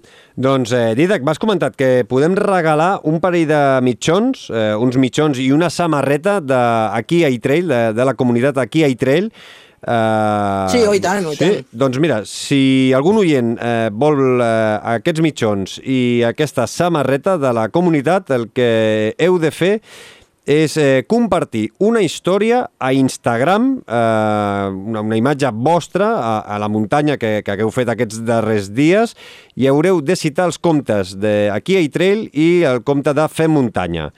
Evidentment, eh, haureu de ser seguidors de tots dos comptes i ho heu de fer eh, abans del proper diumenge 19 de desembre a les 12 de la nit i dilluns eh, dia 20 donarem el nom de la guanyadora o del guanyador a través d'una història a Instagram. En aquest cas, com que Instagram és la vostra plataforma doncs, eh, base, doncs utilitzarem eh, Instagram.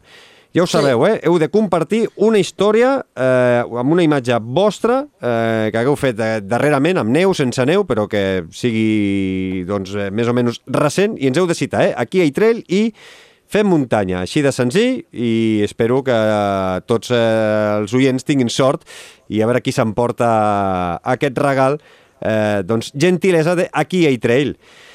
Didac Massip, eh, espero i desitjo que aquest 2022 eh, tingueu molts èxits, eh, que segur que, que així serà. Moltíssimes gràcies, gràcies per xerrar una, un, xerrar una estoneta amb nosaltres i per qualsevol cosa estem en contacte. Una abraçada i cuida't. Gràcies. Igualment, que vagi molt bé. Busca'ns i segueix-nos a Twitter, Instagram i a Telegram.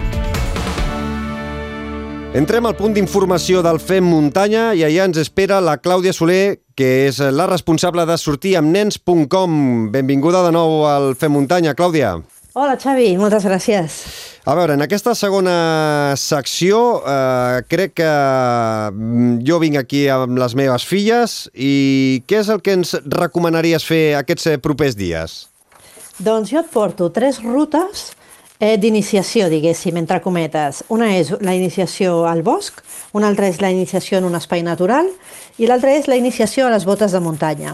està destinat, l'explicació que us faré, a nens petitets, no? a nens que... perquè així fem unes petites rutes, minirutes, excursions, podem veure quina és la resposta que tenen davant de les excursions a la natura. No? Per exemple, aquells nens que diuen no vull anar d'excursió, no vull anar a la muntanya, m'avorreixo, que a molts a lo millor els hi sona aquesta història. No? Doncs el que proposem és buscar una excusa, un pretext, una missió per sortir. No? I llavors, la primera com, com ho fem això? proposo- Com ho fem això? Va. Bueno, la primera és molt fàcil, i ara en època de Nadal serà molt fàcil fer-la, que és una sortida per anar al bosc o a la muntanya a buscar el tió de Nadal. Eh? Home, un clàssic, sí, sí. si és una de les seves... És un clàssic, però si és una de les seves primeres excursions a la muntanya, la recordarà com una cosa màgica, no? Aleshores, com funciona? Hi ha diferents espais naturals a Catalunya, el Pedraforca, el Montseny, Collserola, Rupit, Prades, Camprodon, etc. No? Hi ha molts tions perduts que ens esperen perquè les famílies eh, doncs els vagin a recollir. No? Aleshores, els donen un, un mapa amb una descripció i unes coordenades GPS a les famílies. No? Aleshores, què tenim? Aquí tenim un mapa, per exemple, perquè sàpiguen una mica què és un mapa, aprenguin a buscar coses al mapa i que aprenguin a seguir les coordenades amb el mòbil. Aleshores, els comencem a iniciar no? en el món de, de la muntanya amb això. És una sortida molt curteta, de 15 a 30 minuts, i aleshores doncs, el nostre pretext és que anem a buscar el tió, no? Mm -hmm. I, i aquesta és la, la mini ruta que proposo per a aquells nens que és la seva primera sortida a la muntanya, no? I a partir d'aquí, doncs, quan diem anem a la muntanya, no? Doncs potser no diuen quin rotllo, no? Potser doncs, tenen ja un record màgic i, i, i podem seguir-los iniciant. Doncs home, la veritat és que si no han, eh, han anat a recollir el tio mai a, a la muntanya, la veritat és que la cara d'il·lusió de, dels petits de la casa quan van per primer cop és una imatge que no oblides mai, eh? És espectacular, eh? I s'ha d'anar amb, la, amb, les, amb els mòbils, fer fotos i és, i és un record per a ells que són d'aquelles experiències no? que, que, que no es paguen Mm. mm. amb diners, que és una passada. Aquesta sortida m'agrada molt per sortir amb, eh, amb, amb, en aquest cas amb les meves filles eh, petites, 3 anys, així que eh, apuntada, me, me l'apunto. M'has dit eh, després eh, una miqueta ja Següent, més iniciats. Iniciació als espais naturals. Sí. I cap a on ens es envies? de fer una passa... Us envio cap a, cap a l'espai rural protegit de Gallecs, que es troba al Vallès. Mhm. No el coneix, no el conec, rural explica'ns. Doncs està envoltat de, de grans nuclis urbans, eh? pertany a diferents municipis. Santa Perpètua de Moguda, Mollet del Vallès, Palau-solità i Plegamans, Parets del Vallès, Montcada i Reixac, Lliçà d'Amunt i Lliçà de Vall. Imagina't que és gran. Eh? Déu-n'hi-do. El travessen tres rieres. I és una zona bàsicament agrícola, però que també doncs, és per anar a fer passejades, excursions i rutes en bicicleta. Aleshores, les rutes sort, surten de l'església, hi ha una petita església romànica, que és l'església de Santa Maria de Gallecs, és petiteta, amb, amb els murs de pedra irregulars, doncs la ruta surt d'allà. La més petita que hi ha fa dos quilòmetres i mig. Eh, aleshores, doncs, agafem el camí que baixa de, de l'església i fins al passeig dels Plàtans i arribem a un aiguamoll, que és l'aiguamoll de Can Salvi, que el primer que veiem és una tanca vegetal amb arbustos i un punt des d'on es pot observar l'aiguamoll a mà dreta. Aleshores ens hem d'acostar en silenci perquè no volem molestar eh, la fauna que hi viu i des d'allà, des d'unes petites finestres, podrem veure, doncs, tenen més d'un miler de plantes aquàtiques i, i si tenim sort veurem algun ànec o, algun, o, o alguna animaló també. Mhm. És una excursió que és molt petiteta, que podem anar fent tranquil·lament, que no fa ni pujades ni baixades. Després podem seguir fins al bosc de Can Beire, que són uns, unes 40 hectàrees més o menys, i allà s'ha condicionat un berenador. Per tant, pot ser una ruta per anem als aiguamolls i després doncs, anem, anem a berenar. Podem continuar fins al camí dels bandolers i després doncs, el que farem és tornem per on hem tornat. Mhm. D'acord? Després. Hi ha Una pregunta, i això també, i a part de fer-ho caminant, es pot fer, per exemple, si vols, en bicicleta, també? Es pot fer en bicicleta. Aquestes rutes totes es poden fer a, a, en bicicleta. Hi ha un tercer itinerari que és el camí de la Torre d'en Malla, que són 7 quilòmetres, però han fet com un itinerari especial per bicicleta, que és l'eix bicicleta. Molt bé. També interessant Vale. per, per qui tingui crios més grans i puguin anar tota la Exacte. família en bicicleta. Correcte, són uns 6 quilòmetres, té molt poca dificultat, no és circular, però, però està molt ben senyalitzat. I aleshores aquí podem combinar el que són nens petitets per anar fins a l'aiguamoll, o hi ha nens doncs, que volen una miqueta més d'activitat i podem anar doncs, fer, fer la ruta en bicicleta. Tenim espai protegit de, de Gallecs, també molt interessant, a més a més també molt a prop de la zona urbana de Barcelona, mm, vull dir que es pot anar fàcil i, i, i que Sí. queda a prop mm, de, de tot, amb, a més a més amb bones vistes de, del Montseny també, si no vaig equivocat, no? Exacte, i s'ha descrit com un oasi enmig del Vallès, aquesta zona de Gallecs. Mm -hmm. Per tant, realment té una extensió i es pot accedir des de dif diferents pobles, no? Mm. I si no hi heu anat, aneu-hi, perquè està molt bé. Aquesta no, una tampoc- a- aquesta no la, no la coneixia i, i això que em queda bastant a prop de, de casa, així que me l'apunto. Apuntada, Xavi, a la llista. Apuntada, també. I per acabar vols eh, fer una ruta una mica més per crius Una potser més grans, més, no? sí. Que Sí, caminin una no. mica. O no, però és l'iniciació a les botes de muntanya que l'he anomenat. Per què? Són les seves primeres botes de muntanya, perquè aquesta excursió, que arribarà fins al, carrer, al castell de, Torre, de Torroella de Montgrí, necessitem fer-la amb botes de muntanya. Aleshores és un pretext, no? Posem les botes i anem d'excursió. Mm -hmm. Aleshores, on està el castell de Torroella de Montgrí? Doncs està al Baix Empordà, sobre el massís de Montgrí.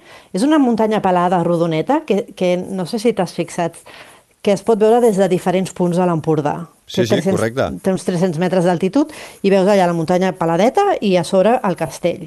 Per tant, tot és pujada. No, no ens enganyem, eh? No... Agafeu forces perquè la pujada és forta. Comença des del camí de les dunes, que és un camí com de terra, molt ample, que aparentment no puja, però clar, per arribar a dalt no hi ha un altre camí que, que puja, que tira cap a dalt, no? Aleshores, eh, es poden fer tres rutes, però jo aconsello la fer la, una que és més com infantil, no? Es segueixen sempre les, fit, les marques GR, que són vermelles i blanques, Mhm. i aleshores està tot senyalitzat, doncs anem seguint les fites i anem, anem tirant. Hi ha un moment que hi ha una tartera a la dreta.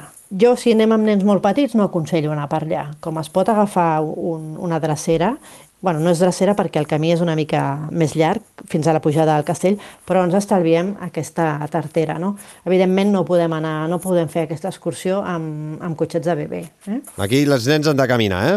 Han de caminar amb les seves botes de muntanya, no? Per això deia abans, de les la, ruta de botes. les, la ruta de les botes de muntanya. Exacte. Aleshores, eh, doncs, bueno, seguim pujant, seguim, seguim eh, mirant les fites i seguint-les i arribem fins al castell. Està molt ben conservat, es pot donar la volta per l'exterior del castell i pujar les torres per, un, per una escala de cargol i és un autèntic castell d'aquells de, de princeses i cavallers amb muralles, torres, un portal d'accés, les escales de cargol, com deia, que arriben a, que arriben fins a les torres, i aleshores un dels altres premis és la vista que hi ha sobre l'Empordà i les Illes Medes, que és impressionant. I, és, i, I està obert el castell? Pots entrar lliurement o, o, Sí, o hi sí, haurà sí, entrada? sí, es, es, pot, es pot entrar, eh, lliurement, sí, sí. Perfecte. No... I llavors la tornada es fa pel mateix camí per on hem baixat. Mhm. Molt interessant. I és molt bonic, qui- està- quina, està distància aproximada, conservat. quina distància aproximada tenim des de Torroella Montgrí fins al castell? Doncs no t'ho sabria dir, amb, amb... és una hora més o menys. Des- Una, una, una hora caminant amb el... Una amb el- horeta, una hora trenta, sí. De totes formes, tota aquesta informació també la tenim a la web de Sortir amb sortir Nens, no? Nens, correcte, sortiamnens.com està les tres rutes que hem parlat avui, doncs les trobareu allà més explicades i, i com arribar-hi i, i les necessitats que hi ha. No? Per exemple, per pujar al castell, si és estiu, cal que portem gorra, crema solar, aigua sobretot, perquè la pujada és forta. I si estem ara al desembre i fa una mica de fred o tenim una mica de tramuntana, ben abrigats. Ben abrigats. ben abrigats. Ja, ja està. Doncs, eh, Clàudia Soler, ens escoltem d'aquí poques setmanes amb més eh, recomanacions. Eh, tota aquesta informació també, si la voleu més ampliada, la trobareu a sortiamnens.com. Com sempre, un plaer entrar al punt d'informació del Fem Muntanya i trobar-te. Moltes gràcies. gràcies. Xavi, igualment. A vosaltres.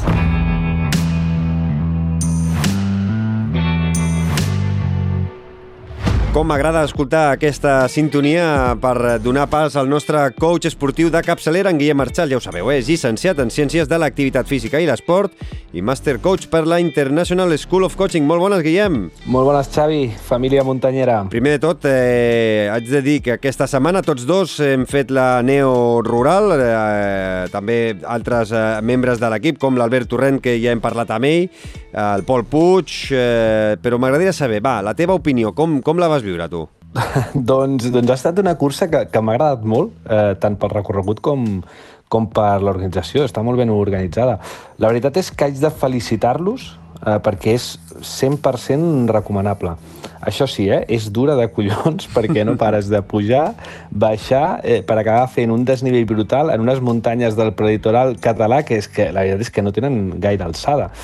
I després també haig de dir que, que hi havia corriols que jo crec que es van crear expressament per la cursa i que abans no existien. Ja t'ho asseguro, eh? vaig parlar amb la Rosa Manyosa, una de les organitzadores eh, de la Neo Rural, i em va dir que alguns corriols es van haver d'obrir ells, eh? Vull dir que ja, Ah, ja, ja, ja està confirmat. No, però, però l'experiència va ser molt bona, eh? Trinxadora, però, però bona. I tenint en compte que emocionalment necessito estímuls que em facin sentir bé en aquests moments, doncs es- estic encantat de poder tenir experiències com la viscuda aquest cap de setmana.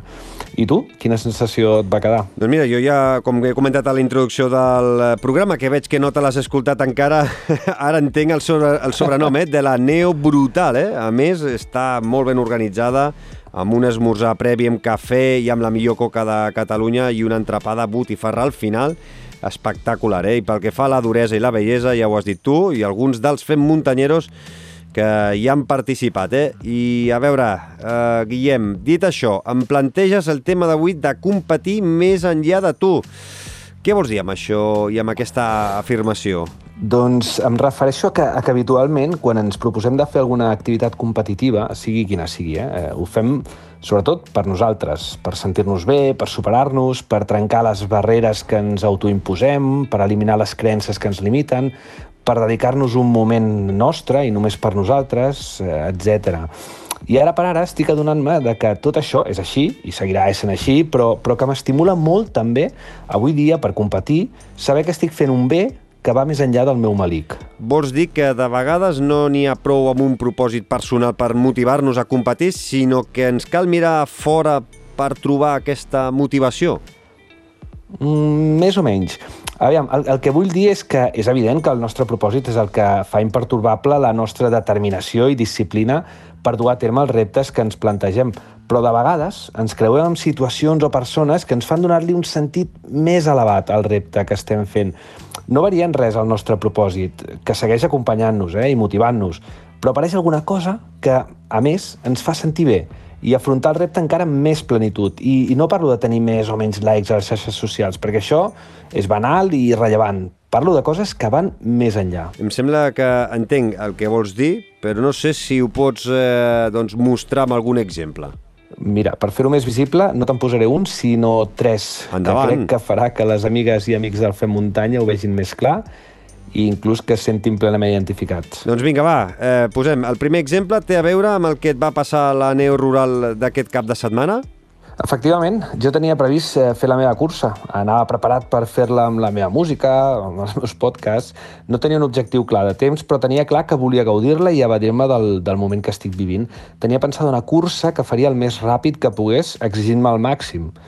Va arribar un moment que, que vam coincidir amb una noia que es deia Eli i, i que anàvem al mateix ritme. En aquells primers quilòmetres em va explicar que era una corredora que havia quedat sempre de les primeres i que portava temps lesionada, així que aquella era la seva primera cursa per saber si podria tornar a córrer bé.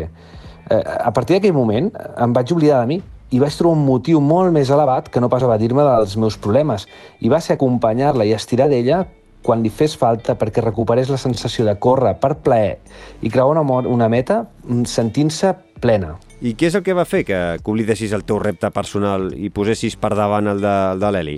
Doncs segurament que vaig adonar-me que acompanyant-la i veient la seva felicitat a l'arribada no només l'ajudaria a ella, sinó que em faria feliç a mi perquè em feia recordar que vaig començar a córrer la muntanya per la companyonia i la solidaritat que hi havia i no pas pels temps finals o l'adonisme.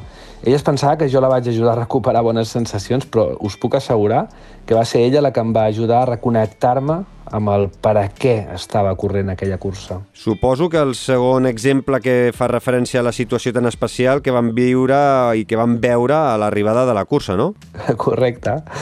Potser feia temps que, que no se m'humitejaven els ulls de l'emoció que vaig sentir quan, quan a l'arribada un noi va demanar l'atenció de l'speaker, va fer saltar la seva xicota que l'estava esperant a la zona d'arribada i allà mateix li va demanar per casar-se, però genoll clavat a terra, eh?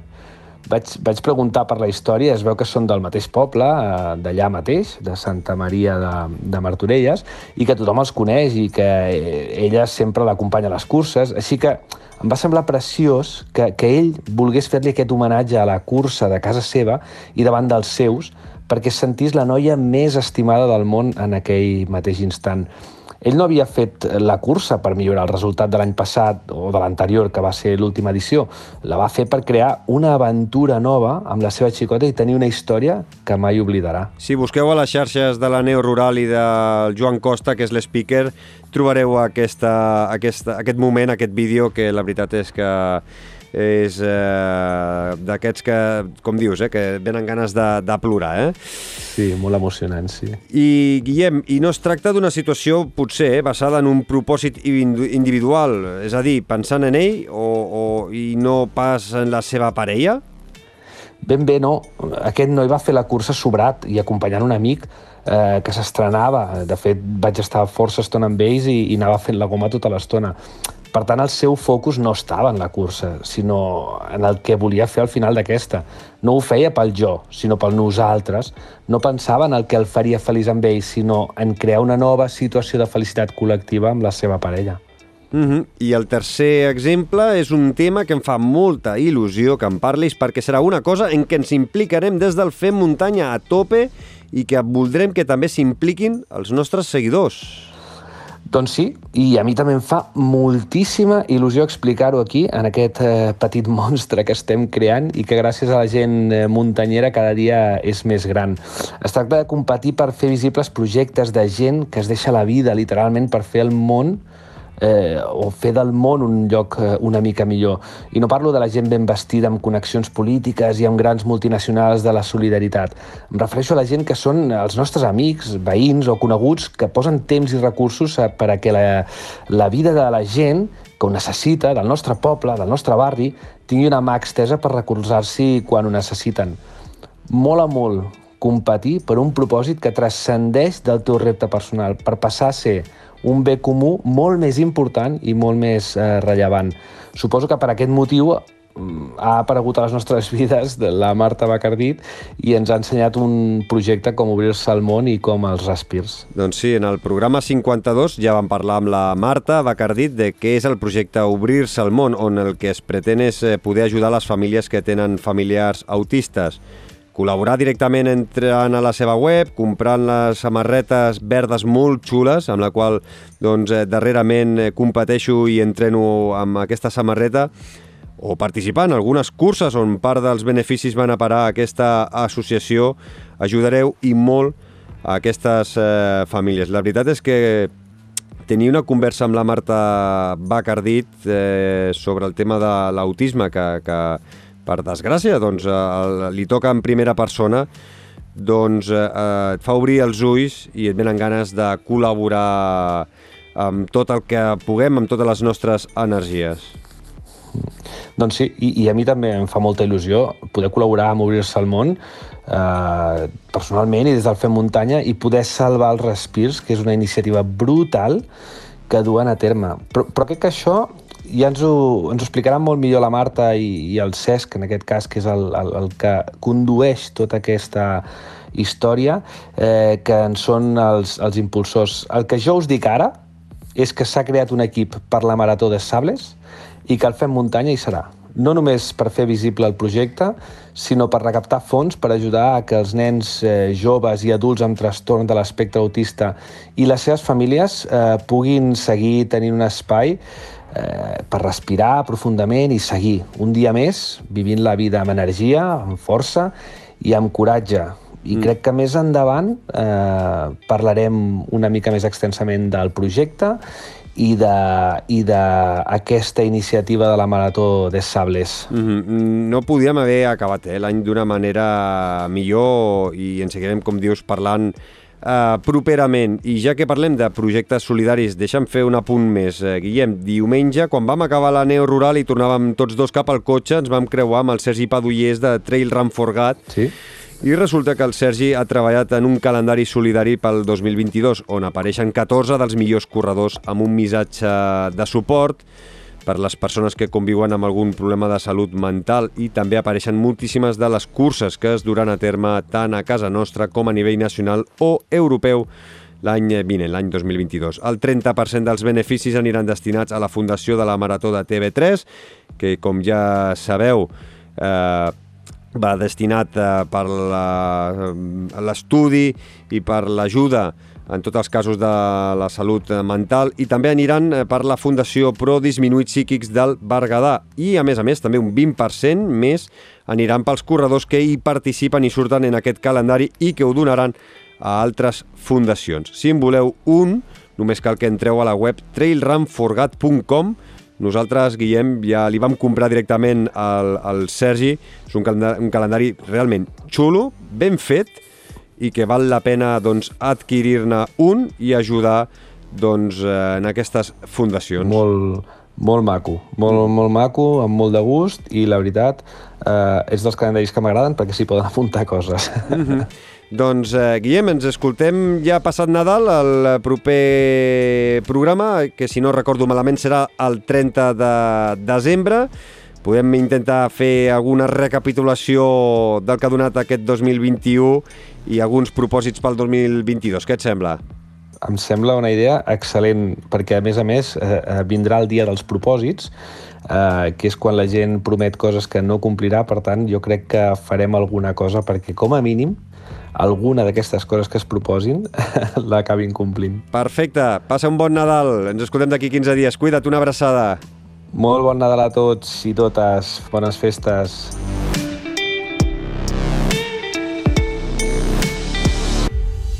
Fent muntanya, amb Xavi Alujas.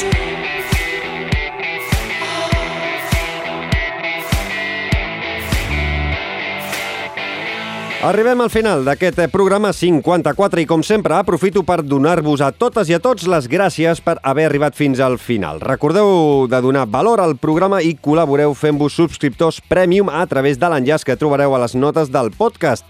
Per només 1,99€ al mes ens ajudareu i tindreu avantatges com escoltar abans que ningú totes les converses de forma individual, podreu guanyar inscripcions a curses i de tant en tant tindreu converses exclusives i que no sonaran en obert.